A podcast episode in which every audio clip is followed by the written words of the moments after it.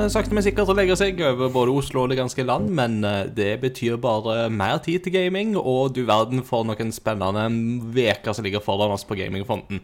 Og med deg for å dekke spillhøsten 2022, så har du CrossFit Gaming, episode 94. Med meg, Inga Takanobbe Hauge, og Peter Gjøskjell. Si hei, Peter. Hei. Hei. Takk for i dag. Nei, hei, hei. Hei, hei og ha det. Nei, nei, nei, det er kjekt å være tilbake, og det er to spann eh, i dag òg. Men eh, det går jo veldig greit, det. Selv om Peter ser ut som han holder på å sovne, for han har hatt noen travle dager, vet jeg.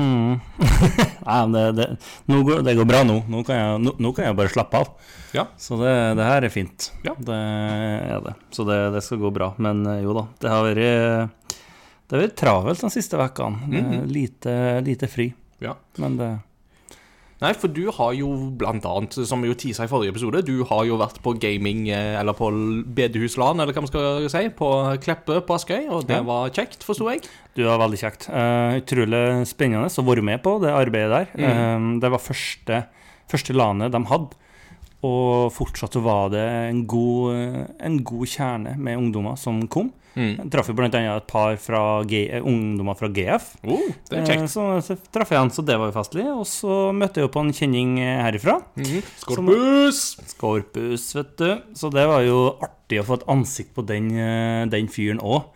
Men jeg ble, jeg ble ikke helt vant til å kalle den eh, Arne. Det, eh, det, det er Skorpus som går sånn. Adrian. Adrian. Nettopp.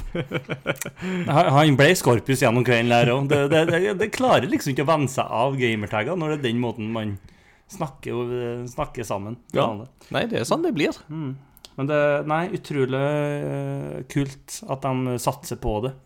Og eh, veldig bra opplegg de har fått i gang. Mm. Så det, de skal ha flere kvelder gjennom, eh, gjennom eh, året. Skal neste, neste gang skal bl.a. være 25. november. Da skal vi ha en runde til. Yay! Så det, det er bra. Ja, ja, ja. Det er gode greier. Så skulle gjerne komme i dag, men da er jeg Sverige på Dreamhack, så det var dumt. Og det var Ja, synd. synd på meg. Og det er synd på deg. Du må game i jobben din. Noe vi jo faktisk skal snakke litt om i dag. For i dag Ja. så er det du som skal stå i sentrum. Ja, det er jeg. Ja, tenk det. Nei, men uh, Det har seg jo sånn at eh, nå har jo Først så har jo Christian vært eh, programleder her, og så har jo du vært programleder her, og begge dere har jo hatt denne her eh, Lærer på gaminglinja på Bibelskolen Fjellhaug-tittelen knytta til dere. Ja. Men vi har jo aldri snakka om hva det faktisk innebærer, så det skal vi komme tilbake til i dagens temadel. temadel. Og for de som ikke syns kanskje det er så interessant, eh, av ymse grunner, så frykt ikke. Vi skal fortsatt ha spillnyheter, vi skal ha hva vi har spilt, og eh, alt det der eh, andre, så det er bare å henge med i svingene. De som ikke syns det er interessant, de vet ikke hva de snakker om. Eller jo, det gjør de. De er bare sjalu. Ja, det er sånn er. Ja, ja, ja. Oi, oi, oi. OK, vi går videre.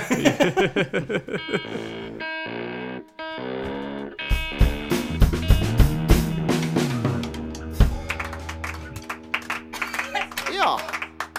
Eh, himmelsk lyd fra ungdommene. Eh, nå er det ukens kunngjøring. Nå hadde vi jo tidenes maratonepisode sist med alt som kunne krype og gå av spillnyheter, og det var jo eh, Og det var jo eh, på, på sin plass, det. Eh, Så det blir jo ikke like mye nyheter denne gangen. Men vi tar opp en av trådene som vi var innom da i den episoden der, og det var Vi snakket jo om noen av disse nye Yakuza-spillene som kommer. Eh, og en ting som har blitt klart eh, etter at vi spilte inn denne episoden, er jo at Yakuza-navnet nå forsvinner fra serien.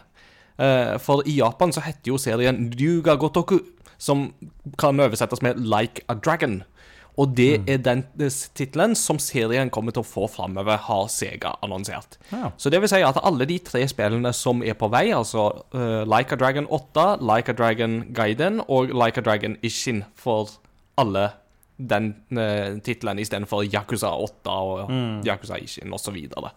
så mm, det vil nå sikkert ta litt tid å liksom snu, seg, snu på hele, men uh, for Yakuza-fansen så tror jeg ikke det vil være en sånn veldig stor omstilling, fordi at uh, Ja, jeg, altså det, det er på en måte dette her med på en måte at hovedpersonen Kiryu har jo vært kalt Dragon of Dojima, for eksempel, og sånt, så er på en måte dragsymbolikken er allerede knytta til Yakuza-serien. Så det å gå over til å kalle det Like a Dragon, det tror jeg skal gå greit. Ja, ja. Ja da. Og så har jo den store nyhetssaken eh, de siste uka har jo vært eh, GTA 6. Og det har jo vært en interessant skue. Det jo det. Ja. Eh, før forrige helg så var det da en, eh, en eller annen som klarte å lekke 90 videoer. Eh, ifra noe som da er GTA 6. Altså en veldig, veldig tidlig bild av det. Eh, og han hevda samtidig at han satt på kildekoden til både GTA 5 og GTA 6, og ønsker å forhandle med Rockstar om dette.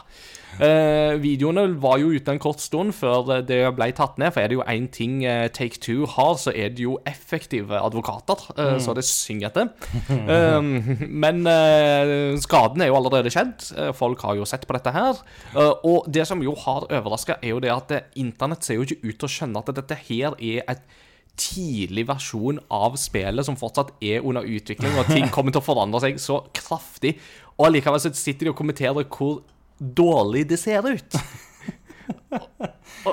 Det er som om noen sitter og lager et maleri, og så kommer det etter fem minutter, så bare Hei, hei, det, det her var ikke fint, til å bare streke. Hvor er fargene? Ja, ikke sant? altså, Eller, Et eller annet sånn eller som jo noen i vår discord posta, ikke sant, med liksom en som hadde bare på en måte bygd på en måte bygge, En som bygger hus, og så har du bare på en måte liksom treverket som er på en måte bygd med liksom stolper og liksom sant, og så er det bare sånn her Å nei, det ser jo Det, det ser dårlig ut, hallo, det kan ikke bygge hus, og det er bare sånn, kan ikke bo i det der, og Nei, jeg kan alt om hus, og jeg vet at vegger og tak, det er det første som blir ferdig. Yep. Det er der du starter. Ja, ikke sant? Starter øverst, og så arbeider du nedover. Ja.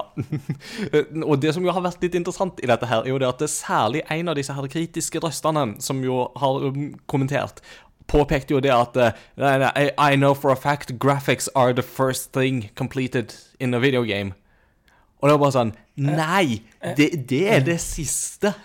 Det er liksom finpussen, det. Ja, det er akkurat det det pol- er. Altså, grafikken er jo, er det er jo poleringa. Ja.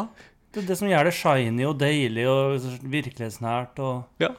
Så det er sånn Nei, det var slettes ikke det. Så det som jo har skjedd i kjølvannet av dette, her, er jo det at en hel haug med uh, studioer rundt omkring har posta videoer fra sine spill. Mens de var i tidlig utviklingsfase. Naughty Dog har gjort det. eh, Guerrilla Games har gjort det. Norske oh, Dpad har gjort det.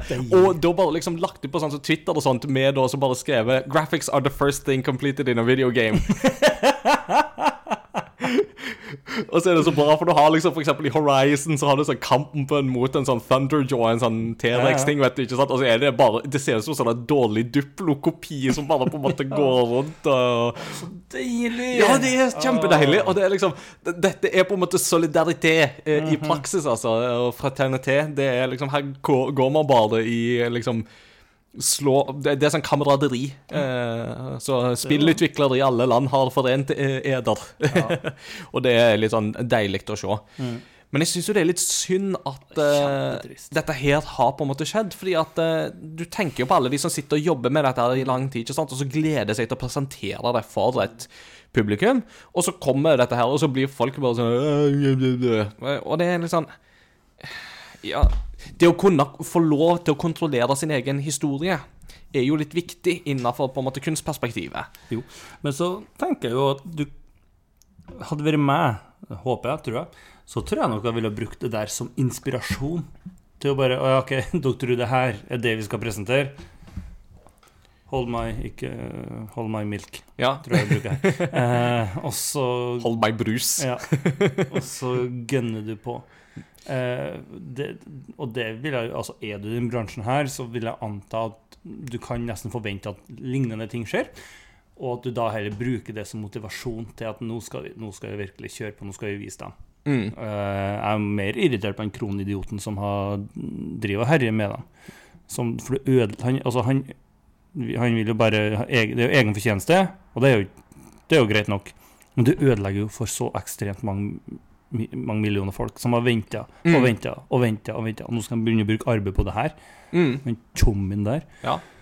Og det, og det er jo litt sånn òg at um, i, i dette her òg, så Altså, Rockstar har jo en litt sånn trist historie med mye crunch, med mye liksom hardt arbeid og sånt. Og de har jo i utgangspunktet nå liksom skimta med at de arbeider med GTA6, at de bruker mer tid, de bruker mer ressurser, eh, for å nettopp unngå sånne ting som det der.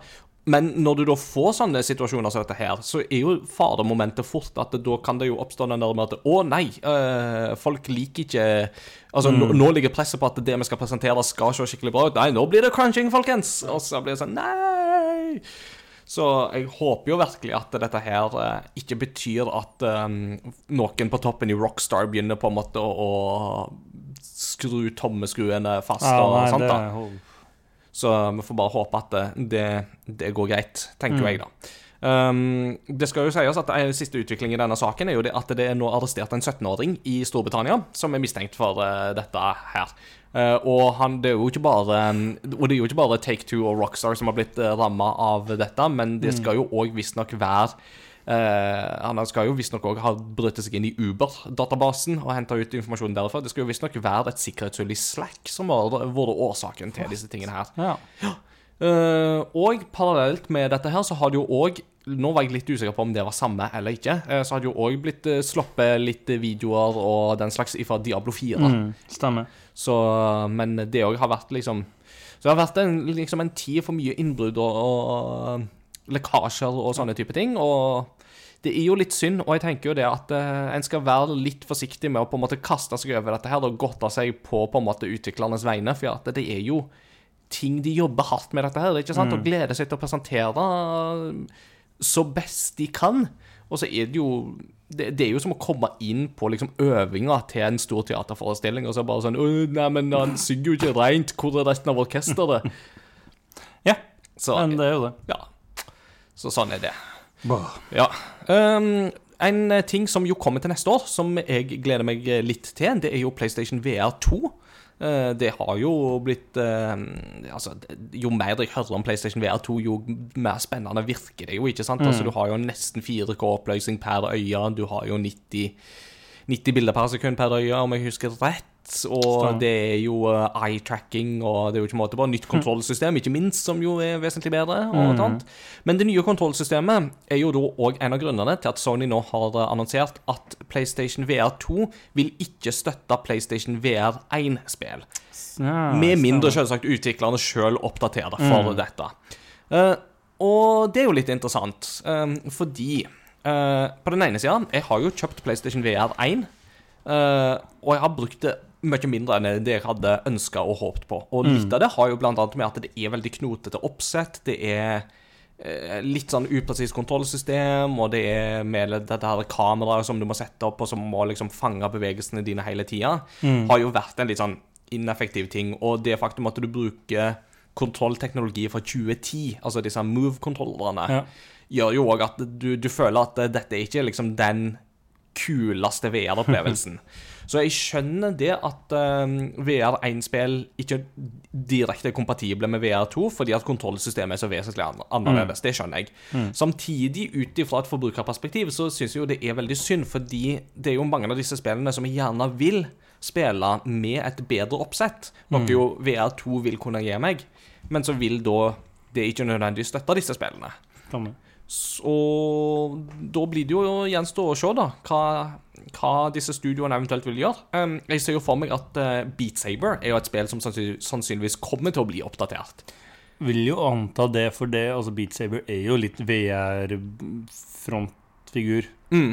En ting er at det er VR-frontfigur, men en annen ting er jo det at det VR2 sitt oppsett er jo minner jo en del om Oculus Quest-oppsettet. Og jeg tror at den veien fra å konvertere det fra Oculus Quest til PSVR 2, den vil være ganske kort for utviklerne. Antageligvis. Eh, jeg er mer usikker på om derimot Sonys interne studio vil gjøre tilsvarende ting med f.eks. Astrobot Rescue Mission, som jo er et spill som jeg hadde hatt veldig lyst til å spilt eh, ferdig. Eh, jeg har jo kun spilt en halvtime, times tid av det, men likte jo egentlig veldig godt det jeg spilte der. Så vi får se hvordan den eh, utvikler seg. Eh, og jeg kan både forstå det og samtidig synes det er litt kjipt. Mm. Uh, snakke om eh, VR-spill, så er jo en figur som jo har vært på PlayStation VR, det er jo faktisk Iron Man. Eh, og det spillet tror jeg nok ikke det er mange som har spilt. Jeg har det sjøl, men jeg har jo faktisk ikke begynt på det engang. Så there's that. Men Motive, som jo er studioet som for tida jobber med Dead Space-remaken, skal faktisk lage et Iron Man singleplayer-spill. Eh, Så det er jo kjekt. Så nå har vi da altså et Captain America Black Panther-spill i vente. Mm. Vi har Midnight Suns i vente. Vi har uh, Spiderman 2 i vente. Vi har The Wolverine i vente. Eh, og vi får et Iron Man-spill i vente. Så hvis du liker Marvel superhelter, så er det faktisk litt ting å se fram til her. Som sagt, det er en fin tid å være nerd. Absolutt. Og så skal vi jo ikke glemme at eh, for DC-fansen, meg selv inkludert, så er det jo litt ting som kommer framover. Gotham Nights kommer jo nå i oktober. Eh, Suicide Squad kommer jo til neste år. Og så jobbes det jo òg med et Wonder Woman-spill. Eh, og særlig Ja. det siste der gleder jeg meg jo veldig til. fordi kan at det bli er jo, bra. Ja, det er jo første gang Wonder Woman får et spill. Mm. Det at det skulle ta så lang tid, det er jo en skandale. Men uh, det skjer iallfall, så det er jo bra. Og så, siste sak, er jo litt mer på hardware-fronten. Og, og da er, Her skulle vi jo egentlig hatt noen som er litt hardere på hardware enn oss eh, to til å ha vært med og gitt sine kommentarer. Eh, men eh, blant annet Digital Foundry har en god um, diskusjon rundt dette knytta til sin uh, ukentlige podkast. Og dere kan gjerne sjekke den ut for å få noen inputs for de som vil ha mer av det tekniske. Men Nvidia har jo uh, vist fram sine nye grafikkort i 4000-serien, som jo har vært rykta ganske lenge. De skal komme i november, og det de har annonsert, det er to eh, Altså, de har annonsert RTX 4080 og RTX eh, 4090. Men eh, for de som eh, savner et eh, Holdt jeg på å si et eh, 4070-kort, så er det verdt å nevne at 4080 kommer i to varianter. Eh, der den ene er litt svakere, så den vil i praksis nærmest være en 4070, bare med et eh, litt misvisende navn, kan du si. Ja. Um, for å ta liksom um, den største av de først, altså det flaggskipet, så er jo det da RTX 4090, som kommer nå 12. oktober med en prislapp på, ifølge gamer.no, 20 490 kroner.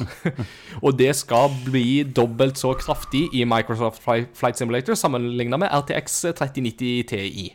Eh, Det er et eh, kort som får 24 GB med GDD eh, R6X videominne og trenger 450 watt med strøm, så det kan jo også være verdt å tenke på i disse dager. Det, ja. Mm, Den, eh, det, Nvidia hevder at det skal klare 100 bilder i sekundet med 4K-oppløsning. Eh, Det spørs jo, man må jo ta sånne ting med en klype salt og vente på tech-tester og stresstester, men eh, den får nå se. Eh, Og så har du da dette RTX 4080-kortet som jeg snakket om, som skal bli to til fire ganger så kraftig som 3080 Ti. Og kommer da i to ulike versjoner. Du har én utgave med 16 GB videominne, som koster 15 399 kroner. Uh, mens det andre har 12 GB med videominne og uh, kommer til å ligge rundt 11 600 kroner. Og for de som jo synes at dette her var jo en formidabel dyr pris, uh, og som liksom tenker det at ja, men hva, hva skjedde på en måte med på en måte Moores lov om dette med at al- al- altså hver 18. måned så får du på en måte en dobling i transistorer med tilsvarende nedgang i pris på liksom tidligere ting, så har jo da um, så har jo da Nvidia-sjef eh, Jensen Huang eh, bare sagt at Moores lov er død. Eh, altså, produksjonskostnadene i dag er for høye og for stive. Og en kan ikke forvente den økninga i kapasitet eh, med på en måte samme prisnivå. Det er rett og slett bare ikke mulig å få til. Eh, det er jo litt interessant, fordi at du har jo Samtidig så har du jo eksempel sånn som Microsoft, ikke sant, som jo lager Xbox Series, og som på en måte lager en billigere konsoll eh, i Xbox eh, Series-varianten, nettopp for å på en måte imøtekomme eh, dette her, og samtidig på en måte vise at eh, det går an å på en måte finne en balanse mellom maskinkraft og pris som er faktisk forbrukervennlig i dette her. Um, Peter, du har jo um, Du er vel i den prosess at du sparer til grafikkort? Nei, du hadde fått nytt grafikkort. Jeg har kjøpt nytt nå. Ja, eh, Så hva er liksom dine tanker rundt uh, denne prisannonseringa nå? Er det, er det sånn at du sitter og angrer på at du kjøpte deg det kortet, eller sitter du og tenker at uh, det var kanskje egentlig like greit? Nei, altså det er jo et knapp Prisen er jo et knapp over det jeg har veldig lyst til å betale for et grafikkort, for det første. Ehm, så det, samtidig så er jeg ikke veldig overraska over prisen. Nei. Eh, det- 3090 lå vel på 20 000 den òg, når den eh, kom, om ikke helt feil. Mm. Eh, så det Og eh, 15 og 11, var det du sa? for 3080. Ja. Eh, ja, altså Det er som forventa, egentlig. På ene sida så, så, så tenker jeg jo det at eh, vi liksom På, på den ene sida, ja, det er et poeng i dette her, ikke sant, at produksjonskostnadene har jo økt drastisk Ja. de siste to jo. årene. Eh, mer enn det som har vært, ville vært normalt i en normal situasjon. Og det er for så vidt greit. Eh, men på den andre sida så er det noe med at etterspørselen etter grafikkort er noe mindre på en måte enn det den har vært før, fordi at kryptomarkedet har jo kollapsa fullstendig. Det har det. Joho! Sier oh, jeg da. Ja. Sorry til alle Crypto Bros der ute, men eh, jeg er ikke blant de. Mm. Uh, og det tenker jeg jo at når de ikke begynner å kapre om grafikkort i liksom eh, bulks og videre selge de til liksom helt formidable sinnssyke priser, Mm. Ja, altså, så jeg, jeg, koser meg jo hver gang jeg ser noen ha, driver og selge riggen og sliter med det. Fordi folk ikke vil kjøpe det pga. at de venter på 40-serien og sånn der, og de sitter der med 20 rigger, eller 20 grafikkort og liksom bare Ja, nå får du igjen, din idiot. mm. Sånn helt seriøst. Det, det, det er altså, Å, det er så dårlig ja. Men ja. Nei, og så Når jeg kjøpte 3080-kortet, så kom jeg jo på sånn rett etterpå Ja, stemmer. det 40-serien kommer i år. Det var jo det var, Der blingsa jeg litt. Samtidig, det grafikkortet er nok mer enn kraftig nok for meg de neste årene. Ja da. Eh, så, da, så jeg orker ikke å gå og irritere meg over det heller. Den, den kommer Altså, jeg hadde jo 1070 før, Mm. og den dro jo alt jeg heiv på den. Mm. Eh, den begynte å slite bitte litt med performance, performance på en del av de nyere spillene. Mm.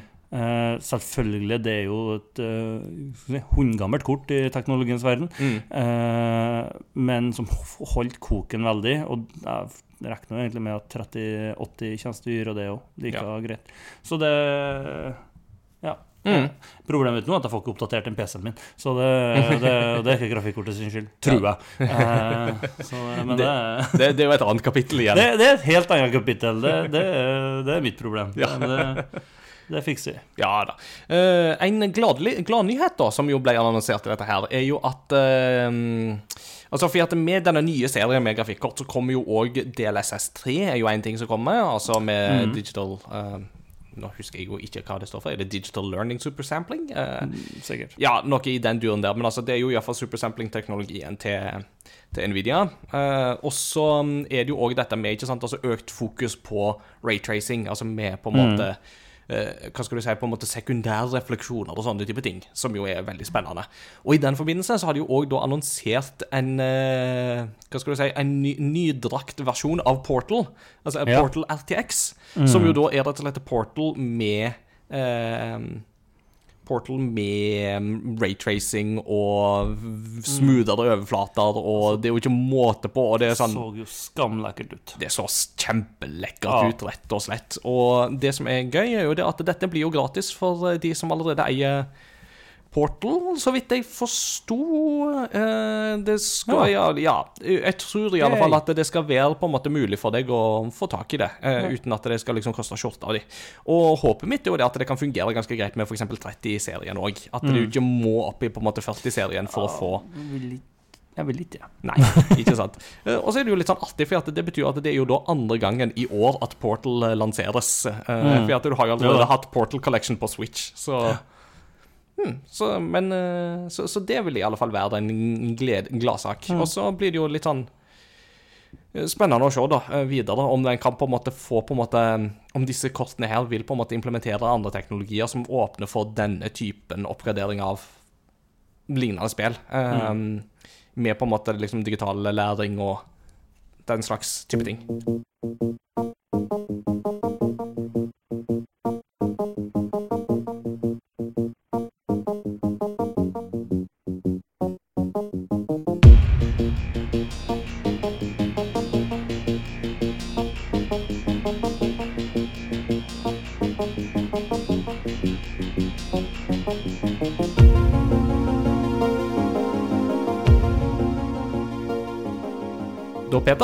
Er det endelig din tur. Dette blir en eh, Q&A-session med deg. Eh, For du er jo ikke bare en uh, grepa kar. Det må jo få fram, for de som ikke allerede har skjønt det. Eh, Men altså, hvis du ikke har skjønt det innen nå, da, da må du gå tilbake og høre liksom, alle våre episoder, tenker jeg. Men eh, det er jo ikke bare det at du driver med gamingpodkast og generelt sett liker gaming, men du er jo faktisk i den situasjonen at du jobber med gaming i hverdagen, som lærer på Bibelskolen Fjellhaug. Så vi kan jo kanskje bare begynne i den enden der og bare spørre hva er Bibelskolen Fjellhaug? Ja, det, det, det er en bibelskole. Ja, takk til deg. Da snakkes vi neste uke. Ja, det- Tusen takk. Nei. Nei, det er en, det er en bibelskole ja, som ligger på Sinsen i Oslo. Mhm. Eh, det er her på Fjellhaug, som er Du har jo to skoler her. Du har jo Internasjonale høgskolen, der er du. Ja. Eh, og så har du Bibelskolen, og der er jeg. Yes. Um, Bibelskolen, da er det, der har vi flere linjer. Gaming er en av dem. Så har vi jo eh, idrett og musikk og leder, som er litt mer ren bibelskole. Uh, Ung Global, som reiser, er reiselinje med fire og en halv måned ut, utlandet. Og så har vi andreårslinje. Ja. Og da er det bygd opp sånn at da har du eh, ca. Ja, en tredjedel er linjefag, og resten er bibelfag er det. Så det er, en, eh, det er en skole for dere som har en interesse inn mot f.eks. gaming, og som òg har lyst til å gå litt mer i dybden på, på livet, på trua, eh, og hvem er hvem er Jesus, hvem er, hvordan funker hele det greiene der, og ja, til meg da, så ja, bli, bli en mer, hva skal jeg si, habil kristen gamer. Mm. Eh, Så hvis du har hele den der 'What's the deal with Jesus?', så er det Ja, så kan du jo sette i gang, da. Ja. Det, så det Ja. Mm. Og så er det jo litt sånn interessant, fordi at eh, Altså, det er jo mange Det er jo flere bibelskoler der ute i Norge. Og så er det jo flere folkehøgskoler, som jo er en litt sånn beslekta mm, eh, Holdt jeg på å si En beslekta species. ja en liten, Eh, litt ja. sånn halvfjern slektning. Ja, en sånn eh, en distant cousin, eh, på tre- en måte. tremenning. Tremenning, ja. og eh, på en, disse folkehøgskolene så har du jo noen gaming-relaterte linjer. Da, så du har Mm. noen sånn e-sport-linjer og kan ha noe sånt. Men Ja, la, la ut en link i dag til noen som søkte etter vikariat. Så Ja. Men når det kommer til i alle fall kombinasjonen av bibelskole og gaming, mm, så er jo Fjellhaug helt unike Ja. i den eh, leiren der. mm, det, ja, det stemmer. Altså, det er ingen annen bibelskole som har den. Eh, Det er, noen, det er vel en eh, Jeg vet at det er en kristen skole i Det er jo folkeskole, for så vidt, men i Finland, som har litt samme type profil som det vi har. Som har de, de, jeg måtte, vi, måtte passe på å snakke stilt, så den andre finske skolen ikke hørte hva de snakka om, for de skulle starte gaminglinje neste år. som, som da rett og slett gikk litt på hva, ja, hvordan det funker, hvordan vi, hvordan vi har bygd opp og hvordan vi gjør og sånt. så det var jo komisk. Men det, for det var ja, på sånn konferanse eh, med bibelskoler og sånt. Men, det er, mm, vi er, altså, men den komboen, det er bare vi som har, mm. er det. Og det syns jeg er veldig kult at for altså, Norsk Luther Misjonssamband, som vi hører til, er jo kjent for å være litt traurig og litt treig og veldig og konservativ.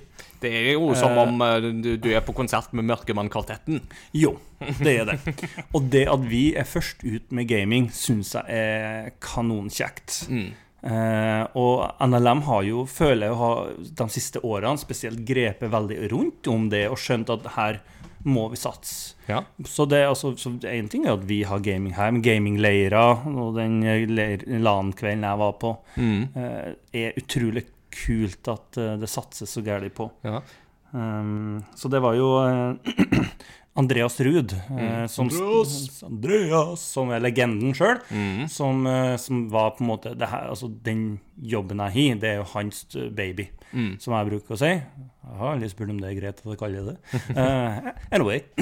eh, som, har, som på en måte var en forkjemper for å få gaming inn på bibelskolen. Mm. Så da har vi jo hatt uh, gaminglinjer hvert år siden 2017, så det er jo fersk linje ennå. ja. Uh, men som er veldig relativt stabil òg, med ti, ti elever i år. Og ja, det er der jeg har Bortsett fra i fjor, så er det jo der vi har rundt der vi har ligget ofte. Mm. Det er, jo, eh, det er jo alltid sånn sett, da, for at en av dine eh, nå eh, pensjonerte kollegaer var jo, fortalte jo om når han hadde vært ute på et av disse bedehusene på Sør-Østlandet Sør-Østlandet og talt litt, så var det jo, sånn- hadde han jo blitt presentert som at ja, og han jobber på Fjellhaug bibelskole, og der skal de begynne en ny linje for spillavhengige. så det kan jo hende at den der positive feedbacken som jeg har fått, rett og slett bare er litt misforstått. Og derfor må vi ha gaminglinje på bibelskole. Yes. Det, så det, det, det, Der hadde jo den. Ja. Så det Men jo, det, altså, vi har nok hatt mange spilleavhengige på bibelskolen, vi òg. Ja, som de får sikkert hatt på alle bibelskoler. Ja, ja. Men det er jo litt forskjell på spilleavhengige og Det det. dataspillavhengige. Ja, ja. Så her var det jo nok holdt på å si, Så- mer tenkt holdt på å si, de med gambling addiction. Da. sant.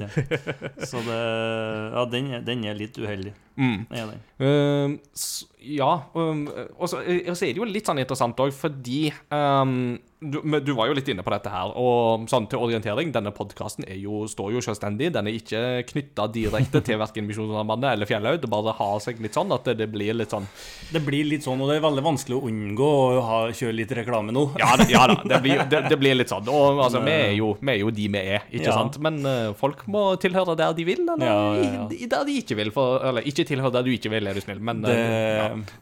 Da bør du så for få hjelp. Ja, ikke sant. Mm. Men det jeg skulle jo litt inn på, var jo litt dette hadde du snakket om, ikke sant? Med at Misjonssambandet kan jo gjerne oppfattes som både litt sånn gammeldags og litt traust. Mm. Og, um, og jeg er jo av den generasjonen som jo husker at en del av disse linjene som jo er nå, og som jo er oppfattet som veldig selvsagt i dag, slettes ikke er det. Mm. Altså på um, på, uh, altså på 90-tallet så var det jo veldig mye diskusjon knytta til liksom hele dette her med liksom musikk og stilart og sånne ting. ikke sant? Altså Mm. Ja. hele holdt på å si, Kan du i det hele tatt ha noe sånt som trommer for eksempel knytta til, eller, eller ja. drama var jo òg liksom. Det var mye drama rundt drama, skal Det, jeg var, si deg. det, det, det, det blir ofte drama, da. Ja, og, og faktisk da Nå er jo KRIK-linje er jo en sånn veldig Mm. knytta ting. Altså Krikk er jo kristen idrettskontakt, og som jo er eh, fokus på idrett. ikke sant? Mm. idrettslinja. Og de har jo, siden den ble etablert på 90-tallet, har jo det vært en av de største tingene Mm. eh, på Fjellhaug. Men den var kjempeomstridt da den skulle bli etablert på Ja. 90-tallet. Det var det å liksom skulle på en måte tenke at ja, men hva skal de ikke på en bibelskole? Altså, hva skal de med idrett da, liksom? Det var jo, Man så på en måte ikke nytteverdien i dette her. Nei, har, altså, det er jo Han ene kollegaen min er jo han som var med og starta opp det. Ja. Ja, han, jeg forstår liksom at han fikk til det, for han er det driv i. Mm. Nei, Men uh... Mm. Men det jeg skulle fram til i dette her, er jo det at uh, det er jo en uh, relativt konservativ organisasjon som vi mm, har en fot i. Og um, det er jo klart at når gamle linjer sånn sett har vært litt sånn omstridt, så er det jo naturlig å tenke at tilsvarende spørsmål kan dukke opp knytta til gaming på bibelskole. ja. Eh, hvordan opplever dere det? Er det liksom bare fryd og gammen, eller er det litt motbør? Eller, og hva er på en måte det, hva, hva føler du det er på en måte mest av? Er det mest medgang, eller er det motgang? Du, nå er det mest medgang. Ja. Eh, nå er jeg veldig heldig. altså Jeg, har, jeg kom jo til ferdiglagte gjerninger. Eh, hvor Andreas har jo måttet tatt de eh, fleste potensielle kampene som var. Eh, samtidig så har vi hatt en ledelse på bilskolen som har vært veldig for eh, det som er aktuelt. Mm. Eh, og der, der er jo gaming fremst nå. Ja. Og, men akkurat nå så er det jo mest foreldre Altså det er når foreldrene kommer og leverer ungene sine eh, på høsten. Og så, er, og, og så får de Ja, du er, ga- du er er gaming, ja. ja hvordan funker det? Mm. Og hvordan kan vi eh, forsvare at vi har gaming på bibelskole? Og ikke minst eh, Dere har vel ikke skytespill? Eh, for det, det driver dere jo litt med. Dere, dere dreper jo ikke. Eh, men da svarer jeg jo som Det var vel Andreas som kom med den først. eh, at eh, nei, altså, vi dreper jo aldri, vi sletter jo bare filer. Eh, Den er så fin. så det eh, og, men, da, men det som jeg syns er så herlig, da, det er jo at jeg merker så tydelig eh, at i løpet av den samtalen hvordan de endrer litt synet Ja. på det. For, da, altså, for det første så Hvorfor har vi gaming på en bibelskole? Jo, altså det er jo for Kristne ungdommer, de gamer. Mm. Eh, og hvorfor skal ikke de ha en plass på Gaming Arena? Hvert eneste år så har vi hatt elever som går på bibelskole fordi vi har gaming. Eh, de føler ikke at de passer helt inn i krikk. De er ikke så glad i idrett. Musikalsk er de nødvendigvis ikke. Eh, altså lederlinja, altså en kjempebra linje, men da blir det veldig mye teoretisk. Kanskje ikke den som er mest gira på å reise i fire måneder. Iallfall ikke med den gamingporteføljen som jo kom i løpet av fire måneder. Ja. ikke sant? Men så har de liksom ga gaming en ting som alltid har fulgt dem, og som de føler seg trygge og hjemme i og har lyst til å kanskje utforske litt mer. Eller bare Vi liker gaming, ja, og så er vi kristne. Eh, og det er da vi får dem inn på en bibelskole, hvor vi får dem ut fra gutterommet og satt dem i en sosial setting hvor de bor på et internat med 80 andre elever. Eh, De blir satt i et klasserom hvor du har 10-11 andre kristne gamere. Og hvor vi bruker altså nesten hver dag så sitter vi og altså, altså Undervisninga, det går jo på altså Vi gamer jo mye, det gjør vi. Men så hvor vi snakker om alt som har med tru og alt som har med gaming å gjøre. Eh, og min undervisningsform er jo lagt opp til en samtale mellom oss alle sammen, hvor vi på en måte skaper en felles hjerne. Så jeg, jeg, hvor jeg presenterer, jeg presenterer et opplegg Eller det her skal vi snakke om i dag. Og så kan jeg legge fram en del sånne ting som dilemma, eller det her, har dere, har dere tenkt over det her og reflektert over det her? Og, så la, og så har vi en samtale hvor alle elevene er delaktige. Ja. Eh, som gir hvert år og hver time til sin helt egen time. Så sjøl om jeg har undervist i de samme temaene nå for tredje gang, så har jeg fortsatt ikke hatt en time som har ligna. Eh, eneste som har vært fellesen, at det var liksom det her temaet snakka om i fjor. Men Så, så, så, så du har en main quest, og så har du side quest? Ja. Rett og slett. Eh, ja, det, det funker. Eh, og da er liksom når, altså Målet mitt med en elevene som kommer på Fjellhaug, det er jo ikke at de skal bli hardbarka gamere. Eh, altså, jeg har på en måte tre punkter. Det første punktet altså de skal bli bedre kjent med seg sjøl og bedre kjent med tru, hvem de er med trua si. Mm. Eh, Hvem er Jesus? Hvordan funker hele greia der? Og hvordan passer jeg inn i det bildet? Og eh, ja, seg sjøl. Hvem er jeg? Det er en kjempeviktig periode av livet. Når du skal, altså det er, vi er jo et slags springbrett fra før de skal ut i virkelig store livet nå, Mm. med våre studenter. Eh, neste punktet det er at de skal få bli mer sosiale. Og da skiller jeg på det å være sosial på head, gjennom et headset og det å være sosial ansikt til ansikt. Mm. Eh, Stipendiaten min har ansvar om å dra med elevene på det som skjer. For det er noe helt annet å snakke med en person ansikt til ansikt, eller sammenligna med det over headsetet. Det er det. Hvordan, du skal, hvordan beveger du hendene dine, ansiktsuttrykk, hvordan leser du andre mennesker når du har en samtale, smalltalk, som er et mareritt for mange. Mm. Eh, hvordan funker det? Eh, ja. Nå har jeg vært ganske heldig og hatt relativt sosiale folk i klassen. Eh, men det er fortsatt noen som må ha en dytt innimellom. Og jeg tror det er så ekstremt verdifullt å få med den pakka som jeg skjer utafor headsetet. Og så tredje er at de skal få mer ut av gaminga. Mm. Bli enda bedre innen sine spill som de fordyper seg i, og få et ja, bredere perspektiv på hva gaming er. da.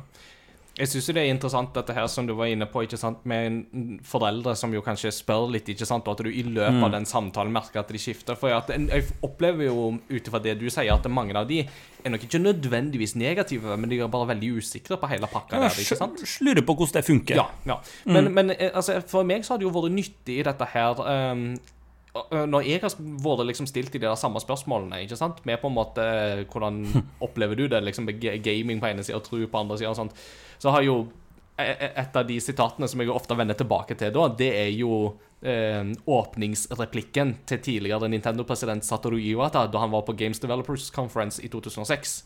For da innleder han jo sin presentasjon med de legendariske ordene On my business card, I am a corporate president. In my mind, I am a game developer. But in my heart, I am a gamer. Og at Iwata poengterte jo der, ikke sant, at eh, du er ikke bare én ting. Nei. Du er, altså Som menneske så er du sammensatt. Du har flere ting ved deg som alle utgjør hvem du er som person til syvende og sist. Og ingen av de delene er min mindre viktige enn andre. Mm. Og, og for gamere så er jo det å spille og være opptatt av dataspill Det er en sentral del av livet deres, men det betyr ikke nødvendigvis at de by default da blir mindre opptatt av sin kristne tro og identitet.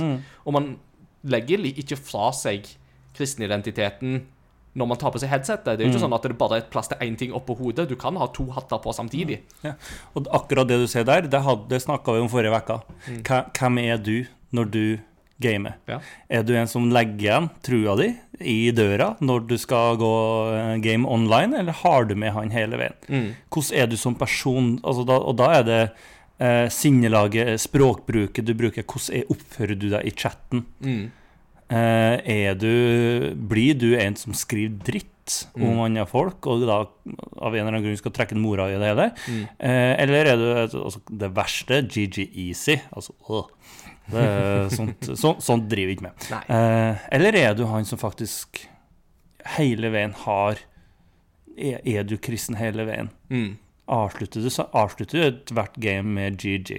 Mm. Eller hva? Ja. Er du oppmuntrende? Se, Mm. hjelp, hjelper du den som kanskje sliter på laget, istedenfor å skjelle Mm. han ut? Og eh, Besinner du deg og ikke snakker drit om uh, det andre kjønnet, eller Mm. eh, de, de andre kjønnene, eller hva det nå enn er? Uh, altså, du, du, du, du holder deg i tøylene, Mm. ikke sant? Og faktisk opp, bare det å oppføre seg, bare det i seg sjøl, kan jo være et vitnesbyrd i disse dager. Ikke Ja, for det, altså bare for du annerledes Mm. Som kristen så er du Så skiller du deg ut. Mm. Fordi normalen i dag er jo og, altså det nettfenomenet hvor du kan si hva du vil, Mm. fordi du treffer ikke eller vet ikke hvem han andre er eller ser ikke, Mm. er jo helt bananas. Ja, og vi har jo sett det der med hvordan eh, harassment er jo et eh, kjempestort problem på Mm. internett. Og Det er da er jo Dette kan være et vitnesbyrd i seg sjøl. Det at man tar tak i å ikke være en del av den negative trenden, men heller prøve å skape det positive, Mm. tenker jeg. Ja, jeg hadde jo en en i fjor som var stipendiat, ei jente. og hun, Hver gang hun gama hun online, så fikk hun spørsmål om hvorfor hun ikke var på kjøkkenet. Mm. Som er bare helt sånn absurd. Mm. Og et av de flinkeste gamerne jeg hadde i klassen. Ja, ja. Eh, Så Den beste varianten jeg har sett der, det er nettegneserien med hun som sitter og gamer, og så får hun bare spørsmål oh, oh, you're a woman. Go to the kitchen and make me a sandwich. OK. Og så tar hun av seg headsetet, så går hun ut på kjøkkenet, og så ser du plutselig at han andre gameren bare sånn oh, What is happening to me? Og så blir han forvandla til en sandwich. Ja, de ber jo 'make me a sandwich'. Og så går hun tilbake igjen, setter seg i sofaen, og så tar hun på seg headset igjen, og så I never understand why they asked me to do that. Så, ja. Men uh, tilbake til din hverdag som eh, gaminglærer på, eh, på bibelskolen. Altså, hvordan fikk du jobben som lærer på gaminglinja? Det er det sikkert noen som lurer på. jeg har søkt. Ja, Eh, takk til deg. Da snakkes vi Dagen for korte svar. Nei, altså, jeg fikk eh, tips fra noen venner eh, om at uh, den jobben der, den bør jeg søke på. Eh, og ja, jeg var jo usikker, for jeg, altså, ja, jeg liker å snakke med folk, og jeg liker å game, Mm. men jeg har jo aldri vært den som er Altså, jeg tror jeg, jeg, jeg slår nok veldig mange på pratedelen, men akkurat når det kommer til det å ha kunnskap inn mot gaming og sånn der, føler jeg jo aldri at jeg har vært den beste. Nå, og da har du en tendens til å sammenligne deg med dem som du føler den beste, og når jeg har kjent deg f.eks. i noen år, som er et av de største nerdene jeg vet om inn mot gaming, er et kompliment, ja. Eh, så blir liksom det hm, interessant. uh, men det, det var flere som kom og sa altså den der må jeg, bør jeg søke på. Mm. uh, og gjorde det. Og så var, var, kom jeg, fikk jeg intervju, så det var kult. Og så tok det stygg lang tid. Eh, men så fant jeg ut, fikk jeg høre etter hvert da når jeg begynte å spørre hva skjer, at de var akkurat i et skifte med rektor i tillegg. Mm. Som av jeg Skjønner ikke hvorfor, men det var tydeligvis viktigere enn eh, så, First things first, altså. Det Få den der patchen på plass før du restrukturerer hele Ja. systemet. så, fikk, så da fikk jeg først en Det var en 30% det jeg søkte på. Eh, jeg hadde servitørjobb på SIS, så det var ikke noe problem. Eh, så da takka jeg jo først ja til den. Og så tok det vel Og da skulle jeg jo arbeide med, med Christian. Mm. Det var Andreas, han slutta, og Christian skulle fortsette. Og så tok det vel to dager, Og så sa han at du, det, det, det skjer litt endringer her. Litt, Christian skal kanskje på videre. eh, Så ja, ting legger an til at du skal få en 50 Så det var to dager senere. Ja.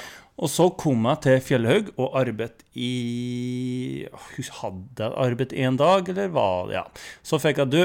Nå så er det sånn at Christian han forsvinner. Eh, har du lyst på 80% Så det er jo vanvittig eh, stillingsøkning. Det, det, det, Og- det, er jo veldig fun- funny, dette. For jeg har jo en litt sånn tilsvarende historie med min jobb. Ja, Eh, for det var jo en sånn med at uh, de trengte 20 vikariat i noe, og jeg var sånn her i en posisjon da der jeg hadde litt sånn strøjobber her og der. Og var Mm. bare sånn Ja, hvorfor ikke? Da får jeg jo enda mer penger på, på boka, og det trengs jo. Det betaler seg jo ikke sjøl. Ja, ja. Og så to dager seinere så får jeg telefonen. Du, den der 20% som vi snakket om, du vil ikke ha 100, for nå får vi plutselig liksom Ja. For da hadde de plutselig fått en oppsigelse i fanget med noen som skulle slutte fordi de skulle gifte seg og flytte og litt sånt. Så Ja, sånn.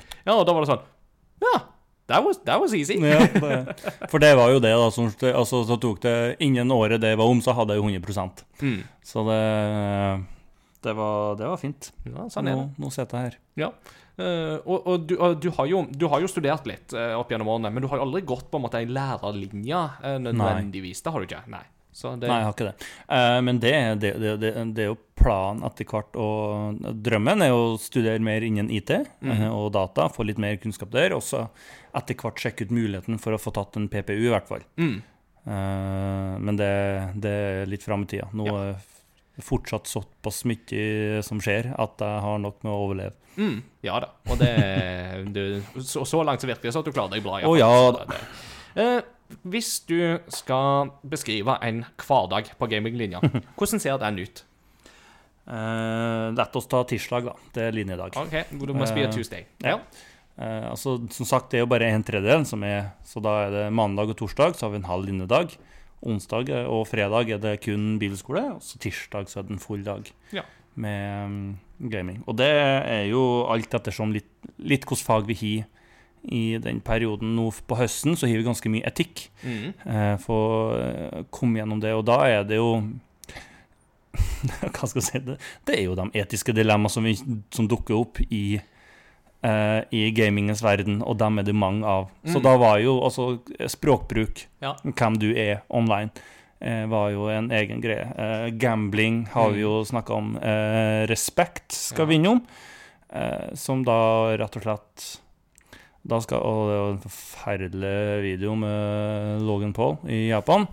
Eh, for dere som har lyst til å torturere dere sjøl litt, så kan dere gå og se den. Det kommer nok til å bli eneste gangen vi snakker om den personen Yep. som er sånn der, sånn, som er sånn halvveis positiv. Eh, se dette for å vite hva du ikke skal gjøre. Ja. Ja. Eh, så har du lyst til å se en idiot på tur, så har du det der. Det, Nei, det er jo et kjempegøy show. En Idiot Abroad er jo kjempegøy. I don't want to go on a camel. I don't want to go on a camel. I don't want to go on a camel. Det er jo helt fantastisk. Altså For de som ikke har sett en Idiot Abroad, det er fantastisk. Ikke det jeg mente. Nei, men det Ja. Um, ellers så har vi jo kristen identitet, som er mer ja, eh, fokus på eh, hvem er du som kristen gamer. Mm. Eh, der har vi, kan vi gå inn på perspektiver, f.eks. Det å være eh, Altså, vi som gamer, vi snakker jo et språk. Men hvordan tar du og trekker den utafor klasserommet? Mm. Eh, så det er jo veldig interessant, for da, da, da får elevene en Først så får de liksom ett minutt, og så skal de forklare fordypningsspillet sitt. Så de Mm. alle sammen skal fordype seg i et spill. På, og liksom ja. Og så får de mottaksgrupper da, som etterpå som de skal forklare samme spillet for. Eller et random spill. Og da var det det beste var første året, som uh, han skulle da forklare et spill til um, en, pensjon, en bedehuspensjonist. uh, hmm. Ja, hjemme på bedehuset. Og da bestemte han seg for at han skal, han skal forklare Heroes and Might and Magic. Ja. Ja, så da sa han OK, så du kan se for deg at du har en menighet. Mm. Og den menigheten har en menighetsleder som på en måte er litt sånn sjefen her. Og rundt den menigheten så har du fullt av andre menigheter som driver med vranglære.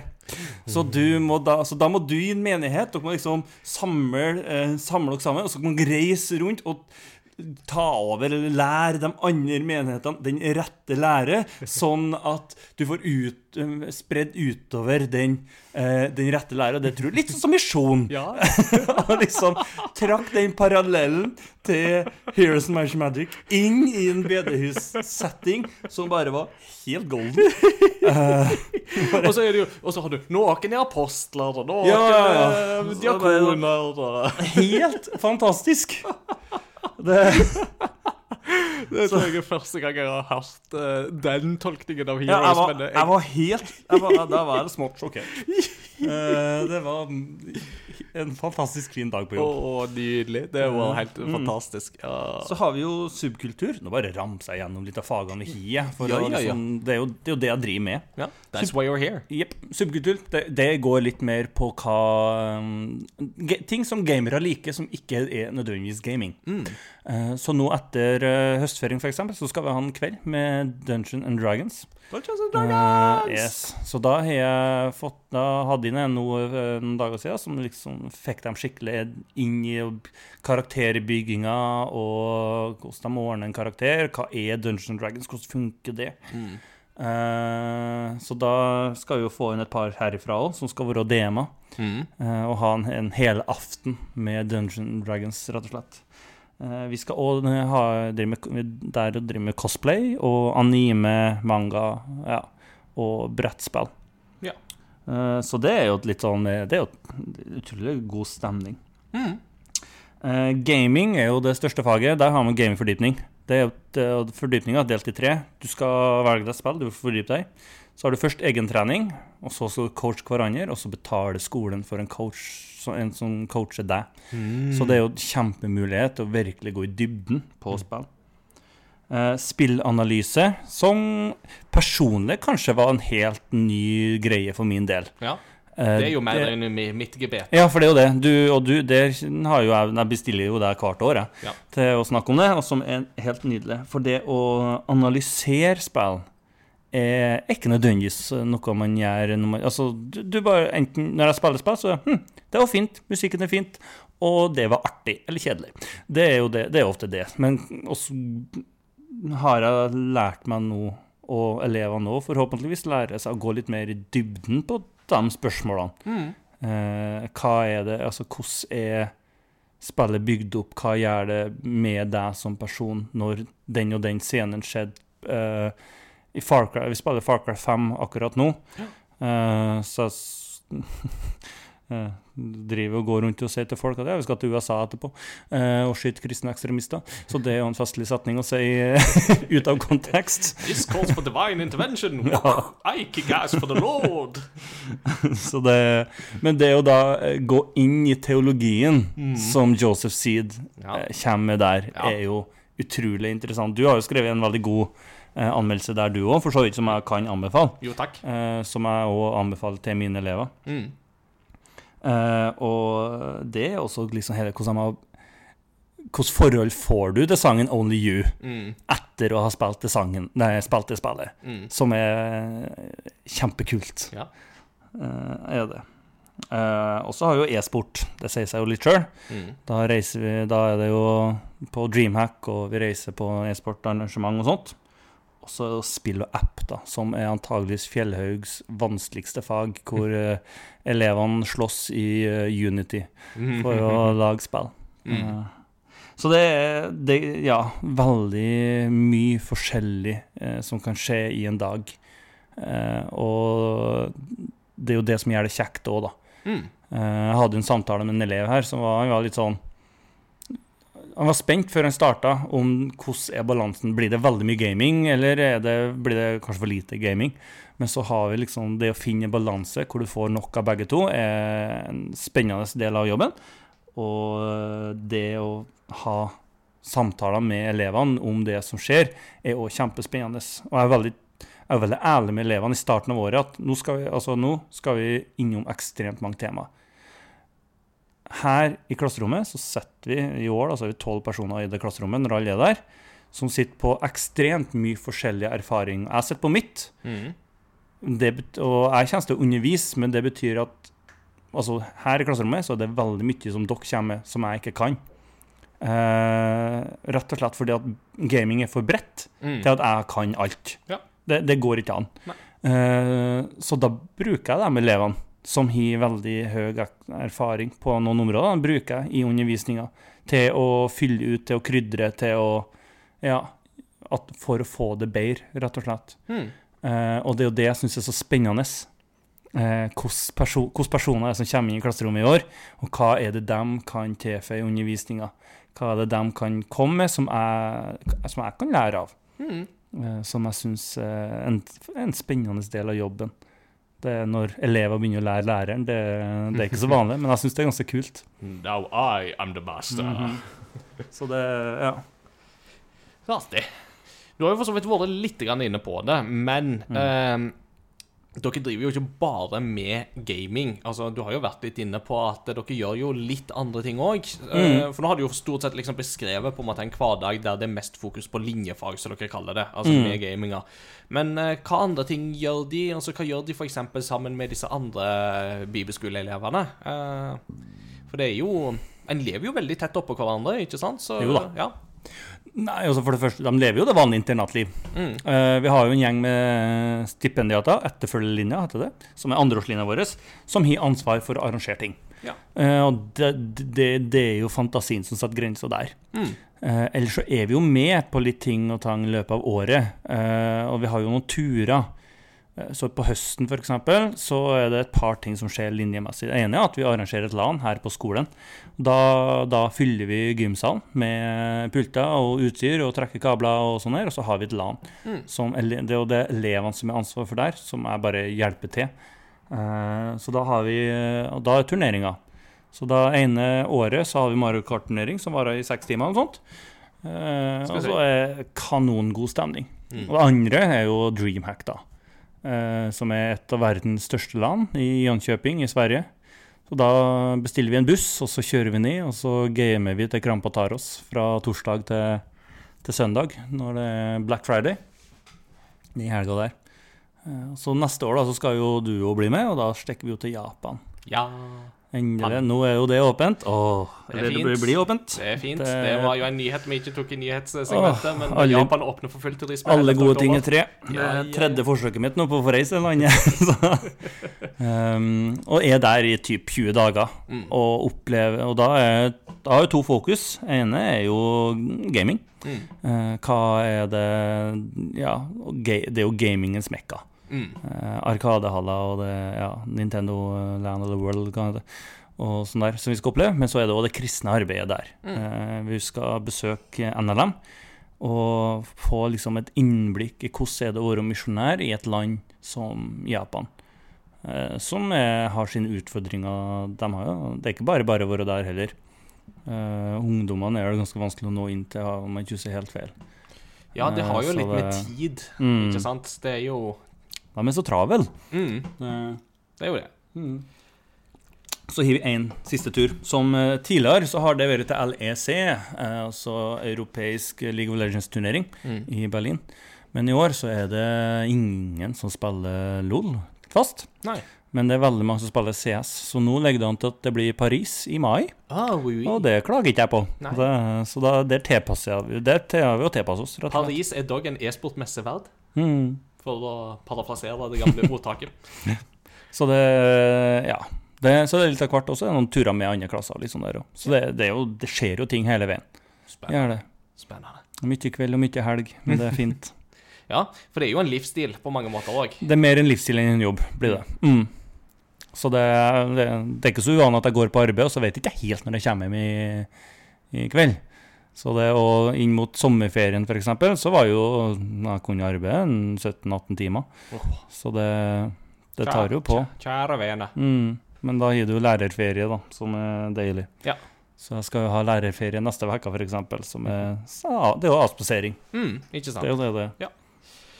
Vi, helt til slutt, hvis noen lurer på om de skal begynne på ei gaminglinje, men så er de usikre på om dette er noe for de, Mm. hva vil du si til dem?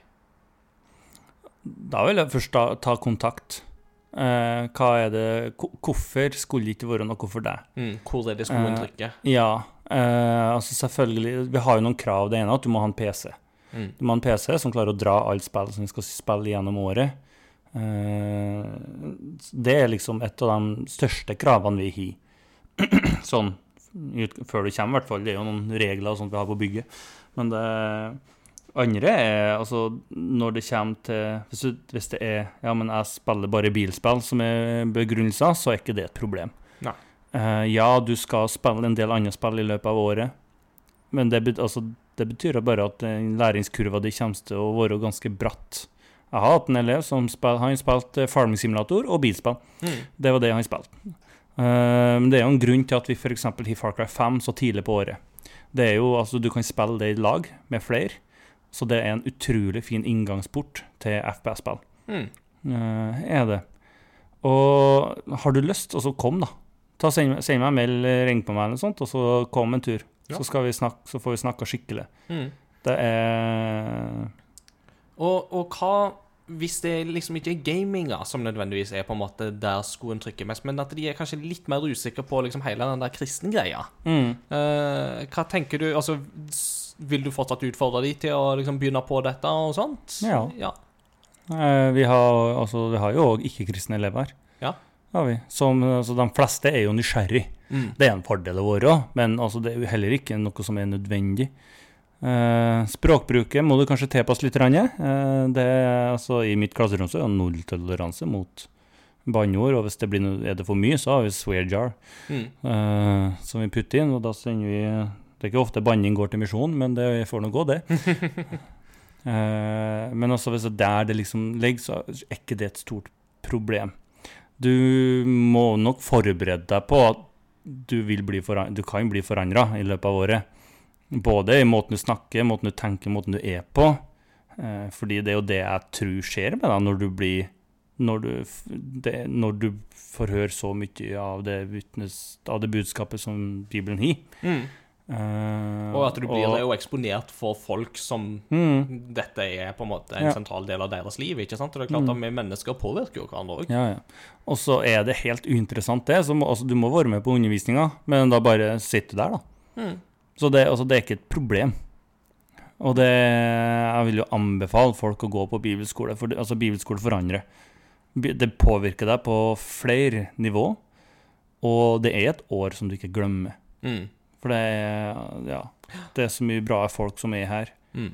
Uh, av både elever og ansatte, og det, det er utrolig rikt Mm. å få, oppleve, å få prøvd noe sånt og oppleve det. Ja. Jeg gikk jo aldri på bibelskole, men det var Nei. fordi det var jo ikke gaminglinja på den tida. Nei, det var det, da. Så det var det. Jeg gikk på bibelskole uten å ha gaminglinje, Ja. Så det gikk fint, det. Ja. Det er jo mange måter å løse det på. Det er det. Peter, hjertelig takk for at du eh, tok eh, denne gjennomgangen av eh, din hverdag som gaminglærer. Er det noe du har lyst å legge til før vi tar pause og kommer tilbake til lytternes spørsmål? Ja, så hvis du kjenner noen som er aktuell Mm. for å gå på Fjellhaug, så tips dem. Ja. Om det er tips, så informer at vi har ei gaminglinje. Eh, vi prøver jo å spre oss så godt utover som mulig. Vi har jo nå blant annet en egen Instagram-konto Mm. eh, for gaminglinja. Den følger jeg! Yes, og den har jeg ansvar for, og jeg er jo jeg, er den som kanskje legger ut noe på min egen Instagram en gang i året. Så jeg prøver å huske på at jeg har det. Eh, Så det skal jeg prøve å legge ut jevnlig Mm. om hva som skjer. Og så eh, Ja. Det er litt sånn mitt forhold til Instagram-kontoen til Crossover Gaming, det. Så- ja. Mm. uh, og så, ja Tips folk om oss. Det er, jeg vil gjerne ha en jobb neste år òg, da er jeg jo avhengig av elever. Mm. Ja. Så er de i tvil, du kan jo la de høre på denne episoden, f.eks. Ja. Som ikke er sponsa av Fjellhaug eller eh, Misjonssambandet eller noen ting. Mm. Ja. Så bare, bare spør. Mm. Nydelig. Vi tar en eh, liten pause. Når vi er tilbake etter pausen, så skal vi som vanlig snakke om hva vi har spilt, og komme med anbefalinger og den slags, men vi skal òg høre hva lytterne lurer på når det gjelder Peters eh, arbeidshverdag. Så heng med oss, ikke skift kanal, vi er straks tilbake.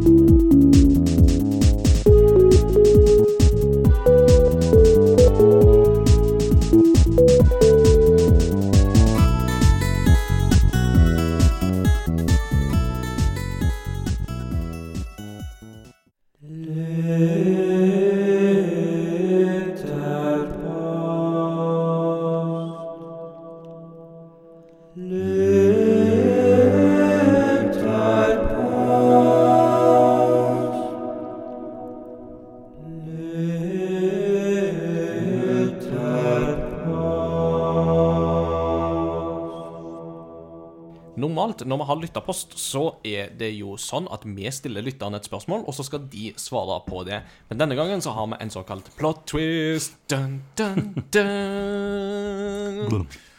Plot-twisten denne gangen er jo da at i forbindelse med denne episodens tema, så har lytterne fått lov å stille Peter spørsmål om hans hverdag som gaminglærer.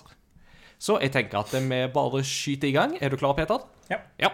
Første spørsmålet som jeg har tenkt å lese, kommer fra en som du har traff på LAN, nemlig Adrian, aka Skorpus, som lurer på. Som gaminglærer så går jeg ut ifra at du lever ut gutte... eh, nei, jeg mener gamingdrømmen. Men for å spørre det litt mer seriøst, så lurer jeg på hva er det beste spillet du har spilt med en klasse? Oi.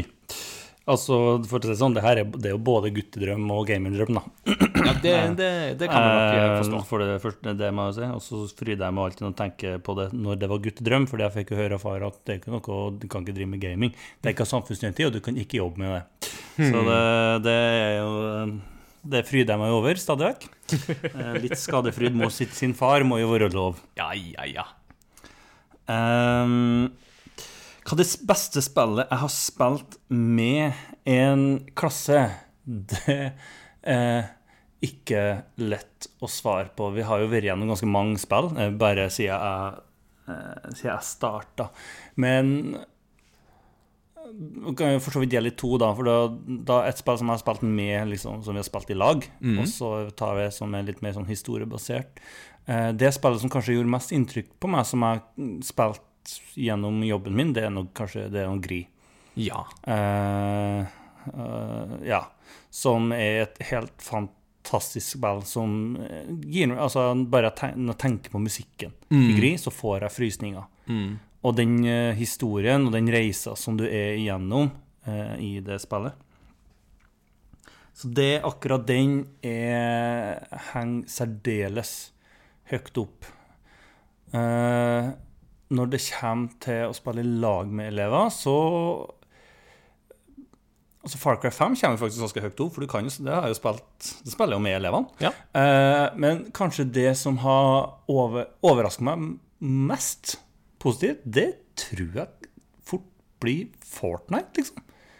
Ja. Fordi, jeg, altså fordi etter at No Build kom, så kunne jeg begynne å spille det. Da løsna det. Og det syns jeg jo er utrolig artig. Ja. Eh, så det er, jo, det er jo nesten et litt sånn kjedelig svar. Men det er Nei, jeg har vært, ut, jeg har vært utrolig positivt overraska over eh, Fortnite.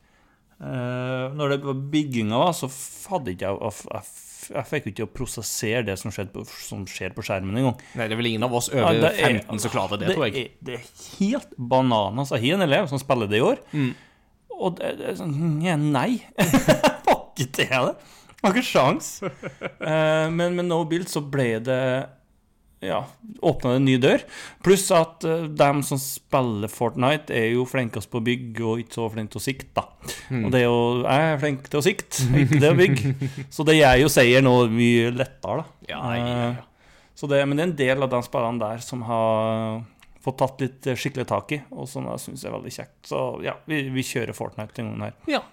Ja, men eh, det tror jeg kan være et overraskende svar for mange. Mm. Så det er jo bare kjekt, det. Ja, og egentlig for min del òg. Ja.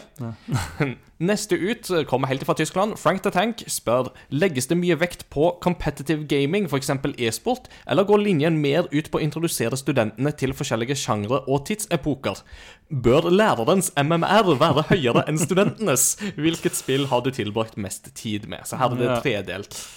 Skal vi se eh, Det legges vekt på competitive gaming. Altså, ene delen er jo det at du får en coach. Ja. Og da er det jo ofte inn imot e-sport-lignende spill, fordi det er, der, det er jo der du får tak i en coach. Eh, så en egen trener som trener, og da skal du sjøl på høsten og i eh, januar så skal du sette deg sjøl mål for det halvåret der. Hvor er du hen? Hvor vil du? Eh, og så mm, med litt å coache seg sjøl, coache hverandre og med en profesjonell en ish, eh, så er det. Og så har vi jo e-sport som et eget fag. Eh, som da, da går det litt på e-sportens historie. Eh, helt tilbake, altså Donkey Kong. som er på en måte et av de første variantene av det som ligner på e-sport. Mm. Og så er vi jo, altså Når vi skal på Dreamhack, så er jo veldig mange så oppfordrer jeg jo elever de som har lyst til å melde seg på turneringer som skjer der. Så nå har jo det er, I årets klasse så er de jo på, på flere av CS-turneringene og har veldig høye forventninger om å gjøre det bra der. Ja. Pluss at vi reiser jo vanligvis på eh, LEC i, i Berlin. Men nå så kjører vi heller da til på CS-turneringa i, i Paris. Mm. Så det, vi har et fokus på det, eh, men det er ikke det største faget Nei. i det hele tatt. Det er det nok ikke. Nei. Bør lærerens MMR være høyere enn studentenes? Matchmaking-raten, ja. Nei, på ingen som helst måte. Stemmer det. Det var, det var mer her, ja. Ja. Uh, nei, på ingen som helst måte. Da hadde ikke jeg hatt et liv uh, i det hele tatt. Det, for det, det blir altfor bredt og altfor mye å eh, arbeide med. Og um, i tillegg så er noen av ungdommene er så gode Mm. at jeg, det, ja, er ikke i nærheten. Fordelen min er at jeg har jo spilt en del av spillene så jeg kjenner til dem og kan litt hvordan det funker. Men det har skjedd ganske mye eh, på CS siden 2012. Ja, altså. Det er det. Mm. Og så siste der, da. Eh, det spillet jeg har tilbrakt mest tid med eh, det, Da tror jeg Det tror jeg er tre spill som er veldig høyt opp. Det ene er Farming Simulator. Hmm. Eh, 2012. Ja. Og så har du eh, Rome Total War. Ja. Og så har du Seven Days to Die. Ja. Som er ja, bygge, altså byggespill i zombie-apokalyptisk tid. Mm. Det så jeg, jeg er nok den som spiller mest litt sånn slow-paced spill. Det er ikke før de siste årene at jeg har blitt mer inn mot kompetative variantene med Warzone og ja, Fortnite og LOL og det greiene der. Mm. Så det Ja. Nydelig. Da har jeg videre notert meg ned eh, Selja litt, eller Sigrun sitt eh, spørsmål. Eh, som da er Jeg tenker jo at de elevene du har, er noen år yngre enn deg. Som jo da gjør at de kanskje har gått glipp av noen eldre spill som du fikk med deg. Hvilke retrospill i hermetegn kunne du tenkt å introdusere dem til, og hvorfor? Så eh, har du mange elever som ønsker å jobbe med spill fremover, og hvordan er kjønnsfordelingen mellom gutter og jenter? Så jeg kan ta det første, da. Hva retrospill eh, i hermetegn eh, kunne du tenkt å introdusere de til, og Mm. hvorfor? Eh, Et spill som jeg har hatt eh, tidligere, men jeg har ikke det nå, for ja, det er ikke alltid lett å få inn alle spillene som har lyst på. Eh, det er jo Age of Empires. Ja Det, yes, det hadde vi ene året. Rett og slett fordi det er et strategispill som til tross for at det er hundgammelt, altså 90-tallet, så holder det seg så ekstremt bra. Mm. Eh, og så har jo jeg en forkjærlighet til det spillet, og det var jo, som jeg har sagt tidligere i den podkasten her, det var jo der jeg starta Mm. mye av min gamingkarriere. Eh, og derfor så er det viktig. Et annet spill som vi har vært innom flere ganger, er jo Dishonored. Det er jo ikke ekstremt gammelt, men det er samtidig veldig få i den aldersgruppa her som har vært borti det spillet. Ja, og det er jo veldig Eh, interessant, for det tapper jo inn i en sånn arv med immersive sims og Mm. den slags, så ja. Så du har en veldig sånn interessant sånn religionsforståelse og en del sånne ting, pluss at grafikken er dritkul Mm. uh, i det spillet. Uh, så der òg har vi jo vært innom tidligere årene. Uh, ja to, to der, da. ja. Og kanskje et lite eh, slag for The Return of the King-spillet fra 2003. Det kommer så det, det, så det, det er magisk. Og Halo har jo for så vidt overvurdert. Mm. Eh, rett og slett for det satt det det har du fortsatt så tydelig spor av Mm. i spillene som vi spiller i dag. Ja, selvsagt. Og det varierer Hvert år så har jeg jo for så vidt også hatt elever som ønsker å arbeide med et eller annet innen gaming. Mm. Eh, I fjor så hadde jeg ei jente som eh, nå studerer til å bli spillutvikler. Yay! Eh, og helt med det, så har jeg en elev som har Det var jo før han startet på Fjellhaug, så spilte han på et uh, Overwatch-lag. Eh, og eh, gjør fortsatt det, og satser liksom inn mot Overwatch. Eh, og Så det, det er jo noe de fleste, altså, fleste Mange elever drømmer jo om det, men så er det jo det å lykkes, da. Mm. Uh, men kanskje mer innen uh, uh, ja, spillutvikler og sånn der, så er det nok en del elever. Ja. Så jeg har et par i åra som har tenkt allerede at du kan jo drive med det. Mm. Men, eh, ja. Mm. Og så er det jo dette med kjønnsbalansen, Ja. eller kjønnsfordelinga, da. Det, det har jo vært Det noen er- jenter innom eh, linja, men dere kan være flere. ja da, vi har et par jenter siden vi starta linja, som er kjempefint, men altså, drømmen er jo å ha en liten fall, ja, typ fire jenter oppover Mm. eh, per år. Det har vært en drøm. Altså, for det gjør så mye med klassedynamikken. Ja. Det, og hos, altså, samme hvor likt man skal ha oss til å være, du, vi tenker forskjellig. Mm. Eh, på, og har forskjellige måter å se på Mm. en del eh, settinger. Og jeg tror det har gjort det veldig bra inn mot eh, linja. Ja. Eh, og så er jeg jo redd for at det skal få et rykte på oss at det er en sånn guttelinje. Mm. Uh, hvis at vi ikke får inn litt flere etter hvert. Mm.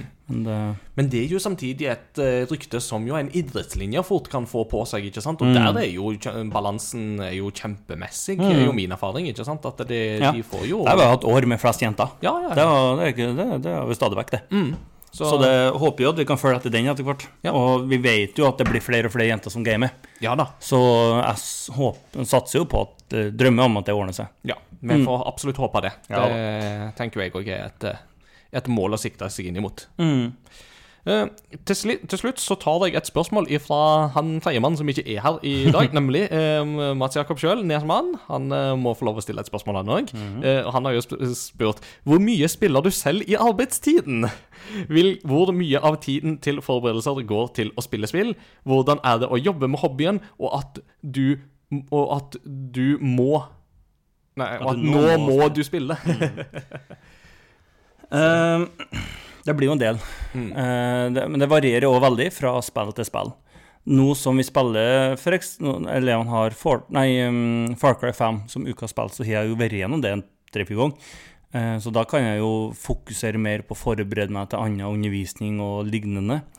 Men når det er nye spill, altså Hogwarts Legacy er et spill som vi skal spille eh, når det kommer ut i februar. Ja. Og da vil jo mye av arbeidstida vil jo surre rundt det. Så da, da, det er jo en periode hvor jeg prøver å legge inn ekstra gamingtimer. Og prøver å, ja, å sette, og rett og slett sette av tid, da. Mm. Til, men da, det, det blir jo da Da vet jeg jo altså i februar så får jeg mye overtid. Mm. eh, det. For at jeg skal jeg må komme meg gjennom det og bli ferdig. Så det, det er jo litt sånn som når du er spillanmelder. Det er jo Mm. enkelte spill som bare OK, nå må jeg bli ferdig. Ja. Eh, og da må du bare sette ned og bruke noen timer på det her. Og det er jo lett altså jeg, Det er jo jeg som velger spillene. Det er jo det som er en fordel med jobben min. At jeg kan jo bestemme hva, hva har jeg lyst til å spille neste året, og som jeg tror elevene kan ha utbytte av. Mm. Eh, og, så det gjør jo ting litt lettere, da. Ja. At det er jo, min, det er jo mitt valg. Så da tar eh, Peter og så bare knekker knokene og Ja. tar på seg sitt beste Anakin-glis og sier Ja. This is where the fun begins. Så det, det, det er nok mer eh, ektefelle og sånt det går utover i de periodene der. Mm. Hvor jeg må arbeide ekstra mye på kveld og helger og sånt. Ja. For å komme igjennom. Mm. Lykken er en forståelsesfull ektefelle. Så det, men eh, det er ikke, det er ikke det, Jeg klager ikke. Nei. På, det er jeg ikke. Nei da. Det, det er fint. Ja, det Vi er ikke i tvil om at hvem av, hvem av oss to som har den beste jobben, det vil jeg si. Så. Ja. Nei, men det er helt, eh, helt nydelig. Vi har eh, fått flere spørsmål, men jeg tror det er det vi tar i denne omgang. Eh, og for de som hører på, og som uh, lurer på om uh, hvordan kan de svare på lytterposter i framtida, jo, det er bare å gå til våre sosiale mediekanaler, til Facebook og Discord primært. Og lenker til begge deler finner du på crossovergaming.no. Når vi legger ut en ny lytterpost, så er det bare å svare på de. Det setter vi kjempepris på. Det er ikke alt vi leser høyt i episoden, men vi er veldig glad for alle svarene som kommer. What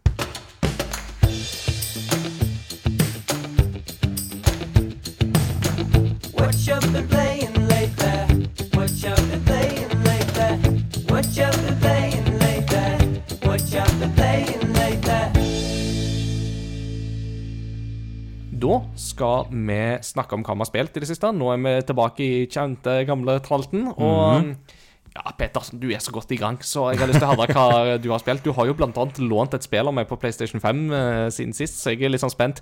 Har du, har du, begynt, har du begynt på Elden Ring? det. Nei. Åh. Du har ikke begynt på Elden Nei, Ring? jeg har arbeidet. Ja. Og da ikke med den artige varianten av arbeidet, sitt.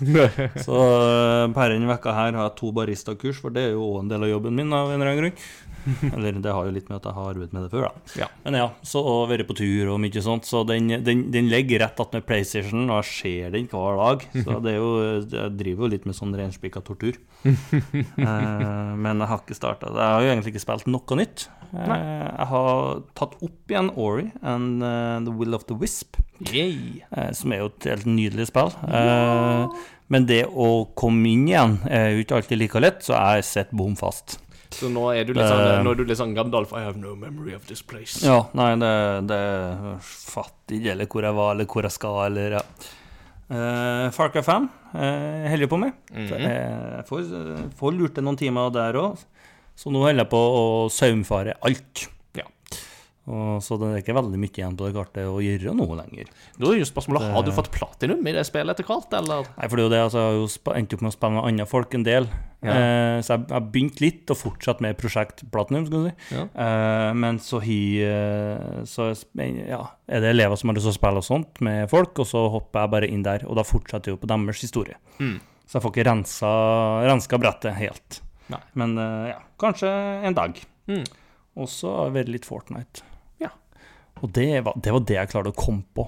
uh, men det har liksom vært Det har gått i ett, og det har vært så travelt. For vi fant vel ut at jeg ble ferdig med Stray sist gang. Ja. Så det Ja.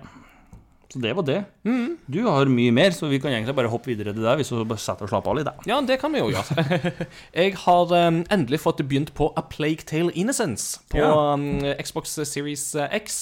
Uh, og grunnen til at jeg har begynt på det, er jo fordi at oppfølgeren A Plague Tale Requiem kommer nå i oktober. Uh, og det er jo litt sånn artig, fordi uh, A Plague Tale er et litt sånn det du kan kalle et dobbel-A-spill. Altså, det er på en måte ikke det der veldig høybudsjettsspillet med liksom flust av millioner og et team på 1000 utviklere bak seg, men det er heller ikke et lite indie-spill. Eh, dette er fra Focus Interactive, som jo er samme franske studioet som har laga Greedfall, som vi har snakka om et par ganger tidligere.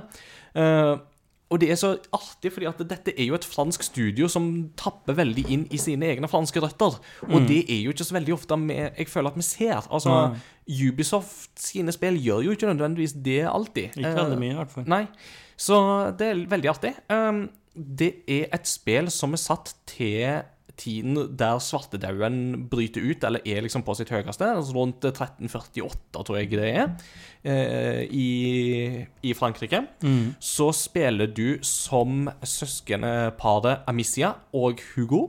Ja. Eh, der Amicia er eldstejenta, som har et veldig tett og godt bånd til sin far, som er den lokale lorden, eller hva som blir liksom den franske ekvivalenten. Eh, de monsieur. Fransk er ikke min sterke side. Uh, uansett, uh, når de er på jakt i skauen, så er det noen mystiske, fæle greier som skjer, uh, der hunden eh, plutselig blir dratt ned i et hull i bakken og bare tilsynelatende fortært av noe mystisk der nede. Men Ja. du er ikke før kommet tilbake til godset før det banker noen på på døra, og det viser seg å være en type inkvisisjon. Og de er av en eller annen grunn på jakt etter lillebror Hugo, som eh, ikke lever så veldig på en måte ute blant folk, for han har en mystisk sykdom. Ja. Så mora eh, har dedikert mesteparten av sitt liv etter at han har vært født, til å finne en kur. Så du merker når Amicia og mora møtes i, etter at hun er kommet hjem fra jakt med faren, at de er veldig fremmedgjort fra hverandre. Ja. Eh, og hun, eh, Amicia må introdusere seg sjøl til Hugo når hun skal inn for å hente ham på rommet. Så de har jo nesten ikke en relasjon til hverandre i det hele tatt. Nei. Men når disse kommer på døra, så ender jo faderen opp med å bli drept. eh, Og de må flykte, og mora sender de av eh, gårde før eh, det tilsynelatende ikke går så bra der heller.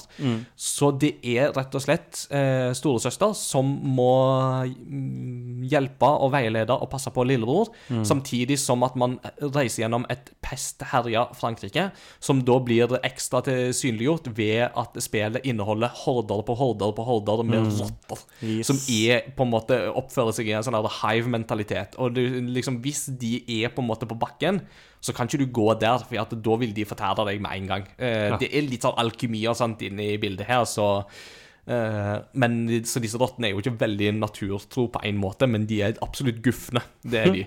Eh, de liker derimot ikke lys, så du må på en måte bruke dette med lys og fakler og ild og sånt til din fordel for å komme deg gjennom hindre eh, og flykte med din bror for å finne et trygt sted og å få hjelp til, eh, til han. Ja. Settinga er veldig stilig, gameplayet er veldig kult. Det føles litt som en slags kombinasjon av The Last of Us møter Brothers A Tale of Two Sons, der noen òg har funnet at de skal slenge inn The Flood fra Halo-spillene. Eh, Ja. ja. Artig. Eh, eh, så det er en sånn spicy kombo, for å si det mildt. det, det er jo det. Ja. Uh, og uh, litt av grunnen, tror jeg, til at dette spillet ikke har uh, nådd så veldig gjennom, er jo for det første det kommer fra et litt mindre studio. Og så er det òg litt sånn at jeg tror ikke dette spillet er det som yter best på forrige generasjon med konsoller. Men det fikk en uh, update, om det var for et halvt år siden eller et år siden, til Xbox Series og PlayStation 5, og der kjører det silkesmooth, altså. Ja. Det, er, det er kjempepent å se på, dette spillet. Det er Jeg merker at det går litt ned i eh, performance, uh, altså bildefrekvens, i filmsekvenser. Men Ja. i gameplay så er det ingen problem. Jeg har aldri opplevd at det er et problem, eller at det er glitching, eller noe som helst. Det er, alt bare funker veldig bra. Deilig. Veldig deilig. Og så er det jo den stilarten, epoken og sånt, det er jo veldig levende gjort. Og så tror jeg at en av grunnene til at det ikke nødvendigvis ble så stort, var det at jeg har hørt at det engelske stemmeskuespillet ikke er sånn veldig, veldig bra. Eh, fordi dette er et fransk studio som ikke nødvendigvis har det største budsjettet. Og at de da har brukt liksom helt Altså at det, den, fran, altså den engelske dialogen kan føles litt sånn unaturlig. At det er litt sånn Du merker at dette er ikke native English speakers som har skrevet. Men så fikk jeg et stalltips om eh, sett tale til fransk. Ja. Så det har jeg gjort. Så nå sitter jeg og spiller et spill utvikla i Frankrike på fransk. fransk. Og, Og jeg kan, og jeg kan jo ikke noe mer fransk enn det jeg har lært av Eddie Izzard. Lesange, singes est sur la branche. Eh, Apen er i greina. Ja, det er jo en setning jeg får bruk for i hverdagen. Spesielt i det spillet her. ja, ja, ja. Very difficult to get into a conversation. Yep. Da er det mer naturlig å kunne bruke lasserie og laisse la table. Eh, Musa er under bordet. Ja, den er der, og den er overalt i dette spillet. Så Men altså, jeg um, har vel spilt Jeg begynt jeg har bare spilt det én dag. Jeg har spilt det én søndag uh, Ja. for litt over ei uke siden. Og da spilte jeg til gjengjeld fire timer, og jeg hadde bare lyst til å spille mer. Så det er et Da, er det da har de jo truffet. ja. Så jeg, eh, dette lover veldig godt for oppfølgeren, som jeg er blitt enda mer hyped på. Jeg tror at det kan bli enda bedre, for jeg tror de nå har litt mer ressurser bak seg. Og dette er vel et spill som ikke blir gitt ut til den gamle generasjonen eh, heller, tror jeg. Lurt. Så det er veldig lurt. Og så har jeg jo spilt et spill som jeg tror mange der ute har vært nysgjerrige på, og det er Return to Monkey Island. Som jeg fikk gleden av å anmelde for Game Reactor. Og jeg ble litt bekymra da jeg sa at jeg gjerne ville anmelde. Og så drøyde det før koden kom, og det drøyde, og det drøyde. Og jeg spurte har vi fått koden, og jeg sa nei. Og det er sjelden et godt tegn i spillbransjen når en eh, anmelderkode blir forsinka. Ja. For det kan tyde på litt problemer bak eh, kulissene. Men jeg kan, etter å ha spilt gjennom det spillet, så kan jeg eh, erkjenne at det var ingen grunn til bekymring. Dette her er Monkey Island på sitt aller beste. Altså, dette er et spill som bare oser av glede, av humor, av glimt i øyet og en sånn spillfølelse som bare Monkey Island kan presentere. Og det, og det er så gøy å se hvordan folk som ikke har spilt spill på sånn 20-30 år, nå blir jeg liksom bare sånn Ja, ja, det skal komme nytt Monkey Island. Å, det skal jeg spille. og det var sånn Yes! Og jeg kjenner at jeg blir så glad av at det er liksom Folk som av en eller annen merkelig grunn er liksom litt sånn Nei, jeg spilte før, men ikke nå lenger. Som om det liksom er en sånn For de er blitt voksen. Um, at det er en sånn grunn. Men at Monkey Island er liksom det som har trigga de til å bare kaste seg ut i det igjen. Og det er bare å skryte av dette spillet. Altså, det er Dominic Armato, som jo er stemmen til Guybrush Threepwood. Han har jo siden disse her remakesene av 1 og 2 så har jo ikke han gjort noe stemmeskuespill. Han er matkritiker. Det er hans jobb. Ah. Ja. Ah, okay. Men nå er han tilbake i, som Guybrush, og det høres ut som om han aldri har tatt pause. Altså, det er oh, det er liksom den samme gode følelsen. Og så Mm. er det liksom disse absurde situasjonene. Det er mange av de kjente og kjære gamle figurene. Det er noen nykommere her og der. Og så er det jo den, det store spenningsmomentet, og det er jo Dette er jo spillet som Altså, For første gang så er jo originalskaper Ron Gilbert og med medsammensvoren Dave Grossman tilbake for å lage Monkey Island. De har ikke med seg tredjemann, Tim Shafer. Det er litt synd. Men nå er jo på en måte spørsmålet De hadde, hadde en slags cliffhanger-slutt på Monkey Island 2, LeChucks Revenge, i sin tid. Hvordan løser de det nå, når det har kommet flere Monkey Island-spill, samtidig som at dette fortsetter akkurat der Monkey Island 2 slutter? Ja. Uh, og det er litt sånn Ja, det som er kommet ut, det er kanon, men vi skal nå liksom kaste ut våre eh, tanker om hvordan vi ville ha denne serien videre. Og det er sånn De får det på et merkelig vis til å funke, og det er så gøy. Det. Altså, ja. Men hvordan er det Altså, det her er jo gamle spill. Mm. Hvordan er det for dem som aldri har vært borti det før, og kan du liksom stupe inn i eh, det her, eller kan, bør du ta den eneren og toeren først? Det er det som er så fint her, fordi eh, når du starter spillet, så er det en funksjon i Altså, da ser du hovedmenyen først, altså new game, load Ja, ja, game, eh, men så har du òg en eh, scrapbook-funksjonalitet. Ja. Og Hvis du trykker på den fordi at det er- kommer en pil som bare sånn 'Å, har du aldri spilt Mark Ellen før?' Klikk, klikk her. Eh, så liksom bare sånn veldig sånn tydelig. Og Så klikker du inn der, og så er det en scrapbook som hovedpersonen hovedperson Guybrush Threepwood har laga om alle sine eskapader i de foregående spillene. Så da kan du få en recap av yeah. hva de gamle spillene handler om. Eh, og det òg er jo selvsagt fortalt med humor og glimt i øyet og hele pakka. Og Deilig. når du har gjort det, så kan du begynne på spillet. Så det er bare å kaste seg ut i dette her. Det som nok kan på en måte merkes, er jo det at dette er et pek og klikk-spill. eh, som caterer til det gamle publikummet på mange måter. måter. Så det, dette er ikke spillet der du får non-stop action hele tida. No. Men hvis du ikke syns det er et problem, så er det bare å plukke dette her opp, altså hvis du er nysgjerrig. Og det er så uh, gullende fint. Og så er det jo litt artig, da, fordi at uh, på PC så koster jo dette spillet bare 200 kroner på Steam, eller uh, 20 dollar. Og det er jo en lærdom vi har fra det første Monkey Island-spillet. Never pay more than 20 dollars for a video game. Det, det er festlig. Det som er kjedelig, er jo det at det koster 250 kroner på Switch. Så Åh! der er på en måte den magien brutt, da. Ja. Typisk Switch. Så helt seriøst. Eh, en ting som jo dette spillet fikk litt uh, tyn for på internett da det ble uh, presentert, var jo den grafiske stilen. Ja. For det har en litt sånn scrapbook-aktig stil. Jo, jo. Uh, og den som er ansvarlig for på en måte kunstkonseptet her, det er um, han som hadde ansvaret for Tear Away, som var et spill på PlayStation Vita som kom òg på PlayStation 4 i sin tid. Mm. Der alt var på en måte type som Papercraft. Ja. Ja. Det er ingen grunn til å kritisere denne grafikken. Nei. Det, det Bare fra første scene av så følte jeg at dette her er Monkey Island. Through and through. Og grafikken bare støtter opp under det.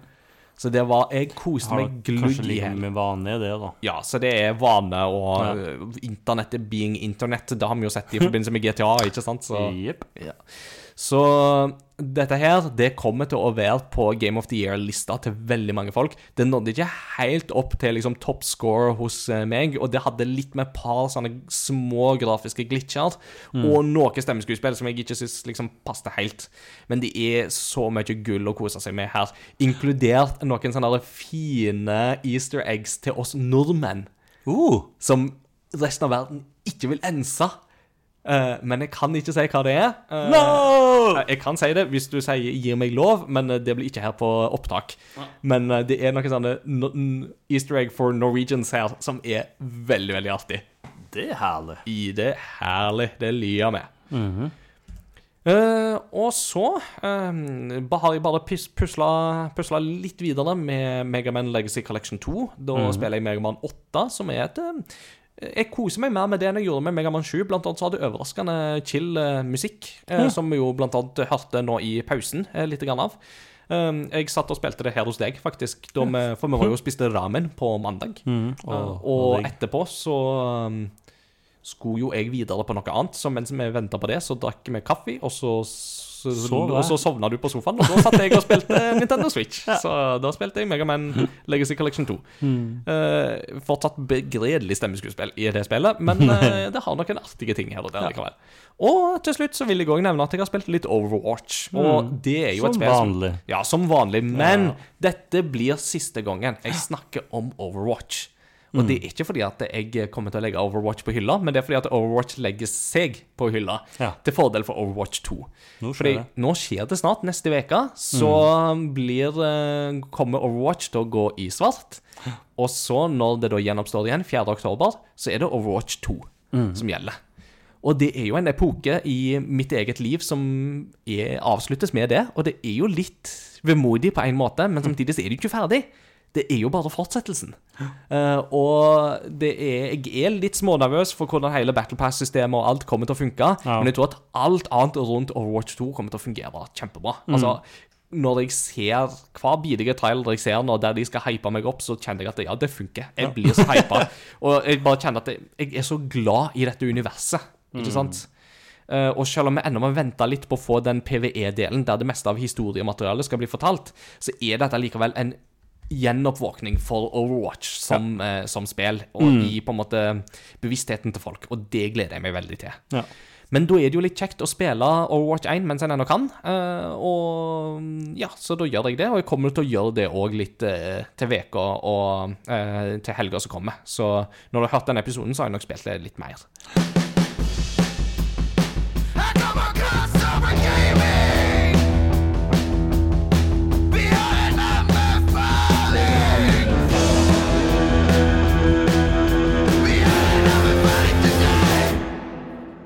Sist gang så var det du som eh, fikk både anbefaling og postludium, Peter. Så da er det bare å bytte om på rollene. Så denne gangen er det jeg som skal anbefale noe. Her er vi for likestilling, tydeligvis. Ja, ja, ja.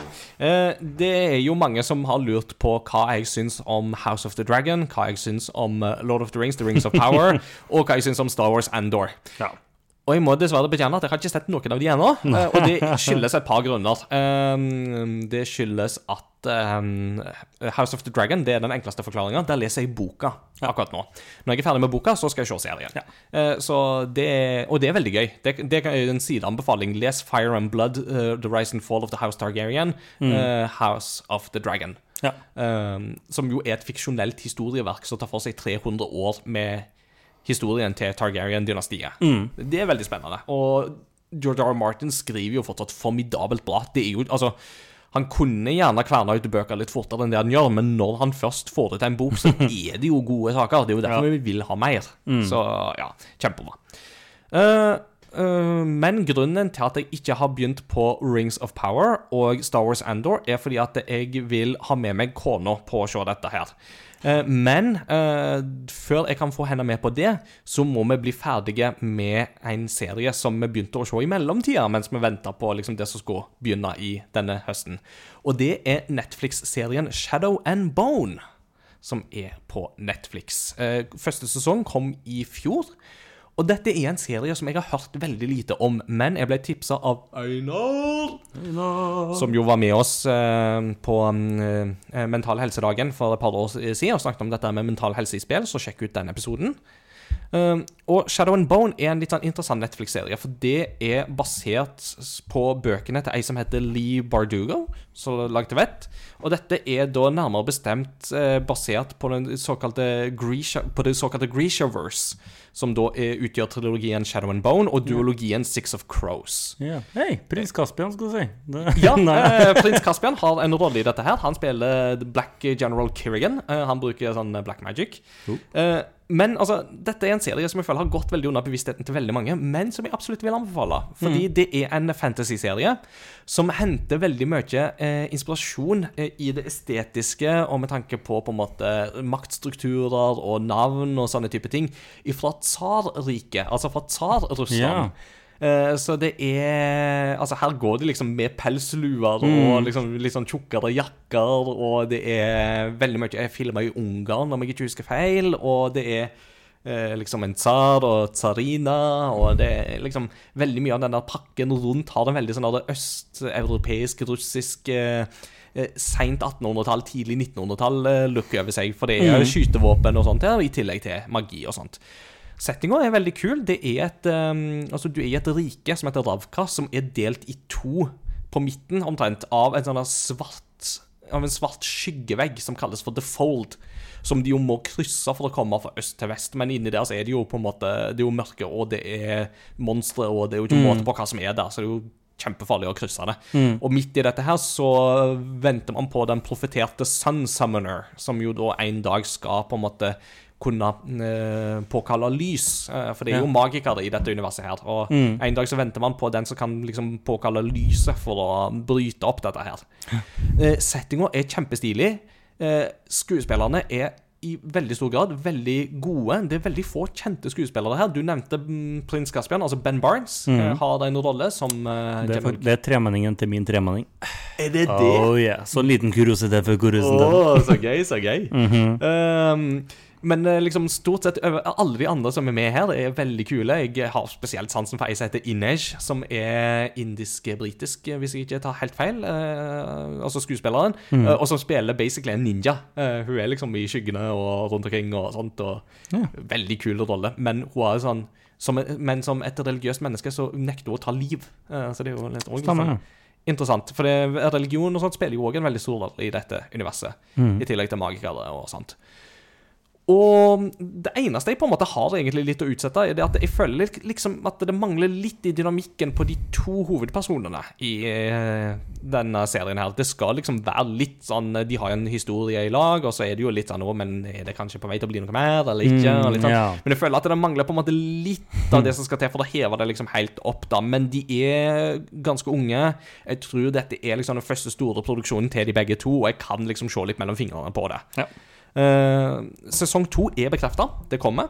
Nice. Eh, så hvis du vil ha en fantasyserie på Netflix som Altså, det er ikke den med mest budsjett, men det er ikke en dårlig produksjon i det hele tatt. Tvert imot så er jeg overraska over hvor god produksjonsverdien er her. Altså, Det er godt fortalt. Det er kjempespennende rollefigurer. Musikken er top notch. Eh, jeg elsker settinga.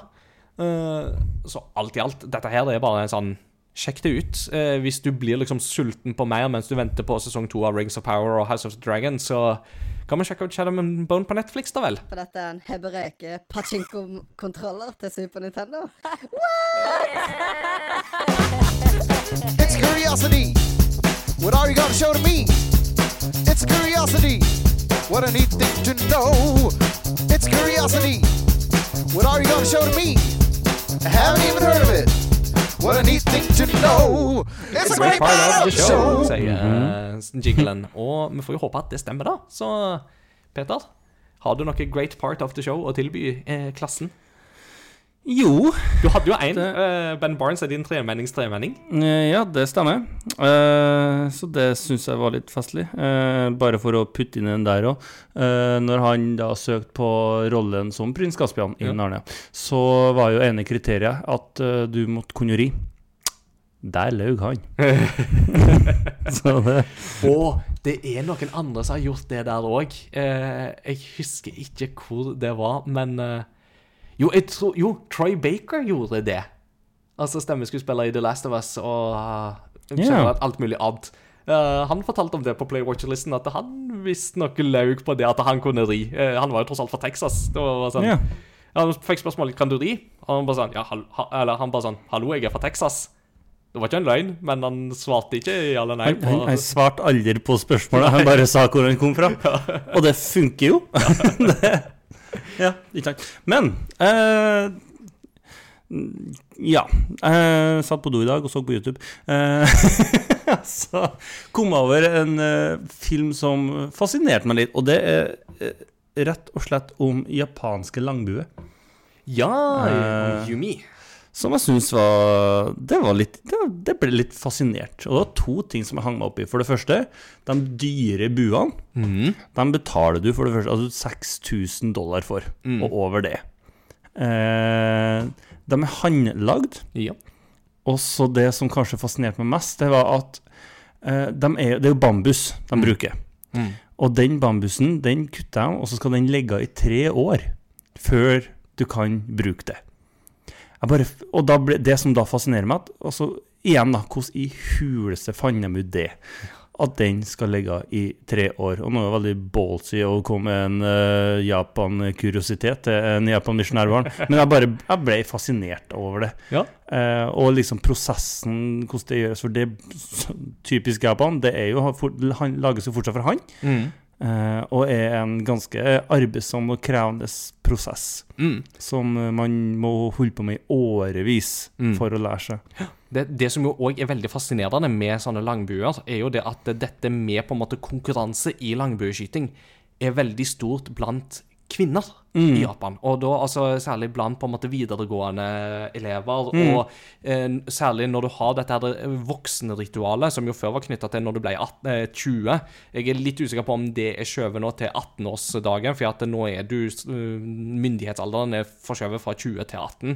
Så jeg er litt usikker på hvordan eh, det er nå. Men som en sånn, altså Tradisjonelt har den blitt feira det året de fyller 20, i januar-februar-ish. Og da hadde alltid pleid å være liksom, konkurranse i langbueskyting. Og da Ja. står de jo der i kledd sin beste kimonostas av hele pakka, og så har de på seg breastplate, og så står de med disse langbuene og skyter. Og det var sånn der Wow, dette er fascinerende. Ja, det- Så det var sånn ikke komme og si at kvinner ikke kan slåss, for det var sånn at de, de kunne skutt meg ned på 300 meters hold uten Ja. at jeg hadde hatt uh, sukk for meg. Så. helt vanvittig, de er vanvittig gode med den bua. Mm. Så, så jeg, jeg syns det var fascinerende. Ja, det, Og ja, det var, det var den jeg kom med i dag. It's a great part of the show. Indeed. Og det vil jeg òg si at eh, postludium er. Eh, og det postludiet som jeg um, har gått og tenkt litt på, og som jeg har lyst til å ta fram i dag, det er ifra Metal Gear Solid 2. Metal Gear Solid-spillene har jo noe av den beste musikken i eh, spillhistorien, syns jeg. Altså, den, den er ikonisk, den er stemningssettende, og den er kjempemessig. Og der har jo blant annet Harry Gregson Williams har jo vært involvert i det, Ja, altså, som jo har komponert blant annet Narnia, som jo var innom litt tidligere med Ben Barnes. Uh, det stykket vi skal til nå, det er ifra eh, Holdt på å si postludia, Det er for rull rulleteksten i spillet. Uh, og det er da ikke Harry Gregson Williams som har komponert, men det er det Rika Muranaka som har komponert. Og det er et vokalstykke som heter Can't Say Goodbye to Yesterday, med Carla White som synger. Det er jo gjerne sånn at Hvis man tenker Metal Gear Solid og en sang med vokal, så er det veldig mange som tenker på åpningen til Metal Gear Solid 3. Snake Eater! Men eh, det er mange andre gode vokalpieces i uh, Metal Gear Solid-universet. Og Can't Say Goodbye to Yesterday Det er en sånn at du får liksom er lyst til å ganske bare langt ifra Ja, det er det, Fin setning. ja, dette er, en sånn, dette er en sånn sang som jeg liksom tenker at her sitter du på en litt sånn mørk restaurant eller mørk bar med liksom bord med stearinlys på, og så begynner denne her smooth jazzen å spille, og så går du bort til din kjære og så spør du skal vi danse litt. Og så står dere der og bare vugger litt til musikken mens det stykket spiller. Så kanskje du, kanskje du kan gjøre det mens du hører dette? Eller hører ut, utdraget av deg, i alle fall. Mm. Det blir litt kleint hvis du har på deg uh, airbuds og bare liksom begynner sånn. Da kommer folk til å se på deg. Men det er ikke så farlig. Nei da, det er det ikke. Vi er tilbake med om et par ukers tid. eh, Da det er mye gøy som skjer i spillenes verden framover. Og det er mange spennende temaer vi ikke har tatt for oss ennå. Og nå er vi jo snart inne i spooky season, så da skal vi jo blant annet ha et eh, besøk om eh, en spooky spillserie. Så det blir spennende. Men det blir først seinere igjen, da. Enn så lenge så må du ha det bra. Takk for at du hørte på. Husk å anbefale podkasten til dine venner og kjente. F.eks. noen gamle som kanskje ikke har spilt så masse spill. Så kan du høre denne episoden og få forklart hva Heroes of Magic går ut på. Vi følger oss på sosiale medier, og lenkene til det finner du på crossovergaming.no. Vi snakkes ved neste korsvei. Ha det bra! Which one of these will show?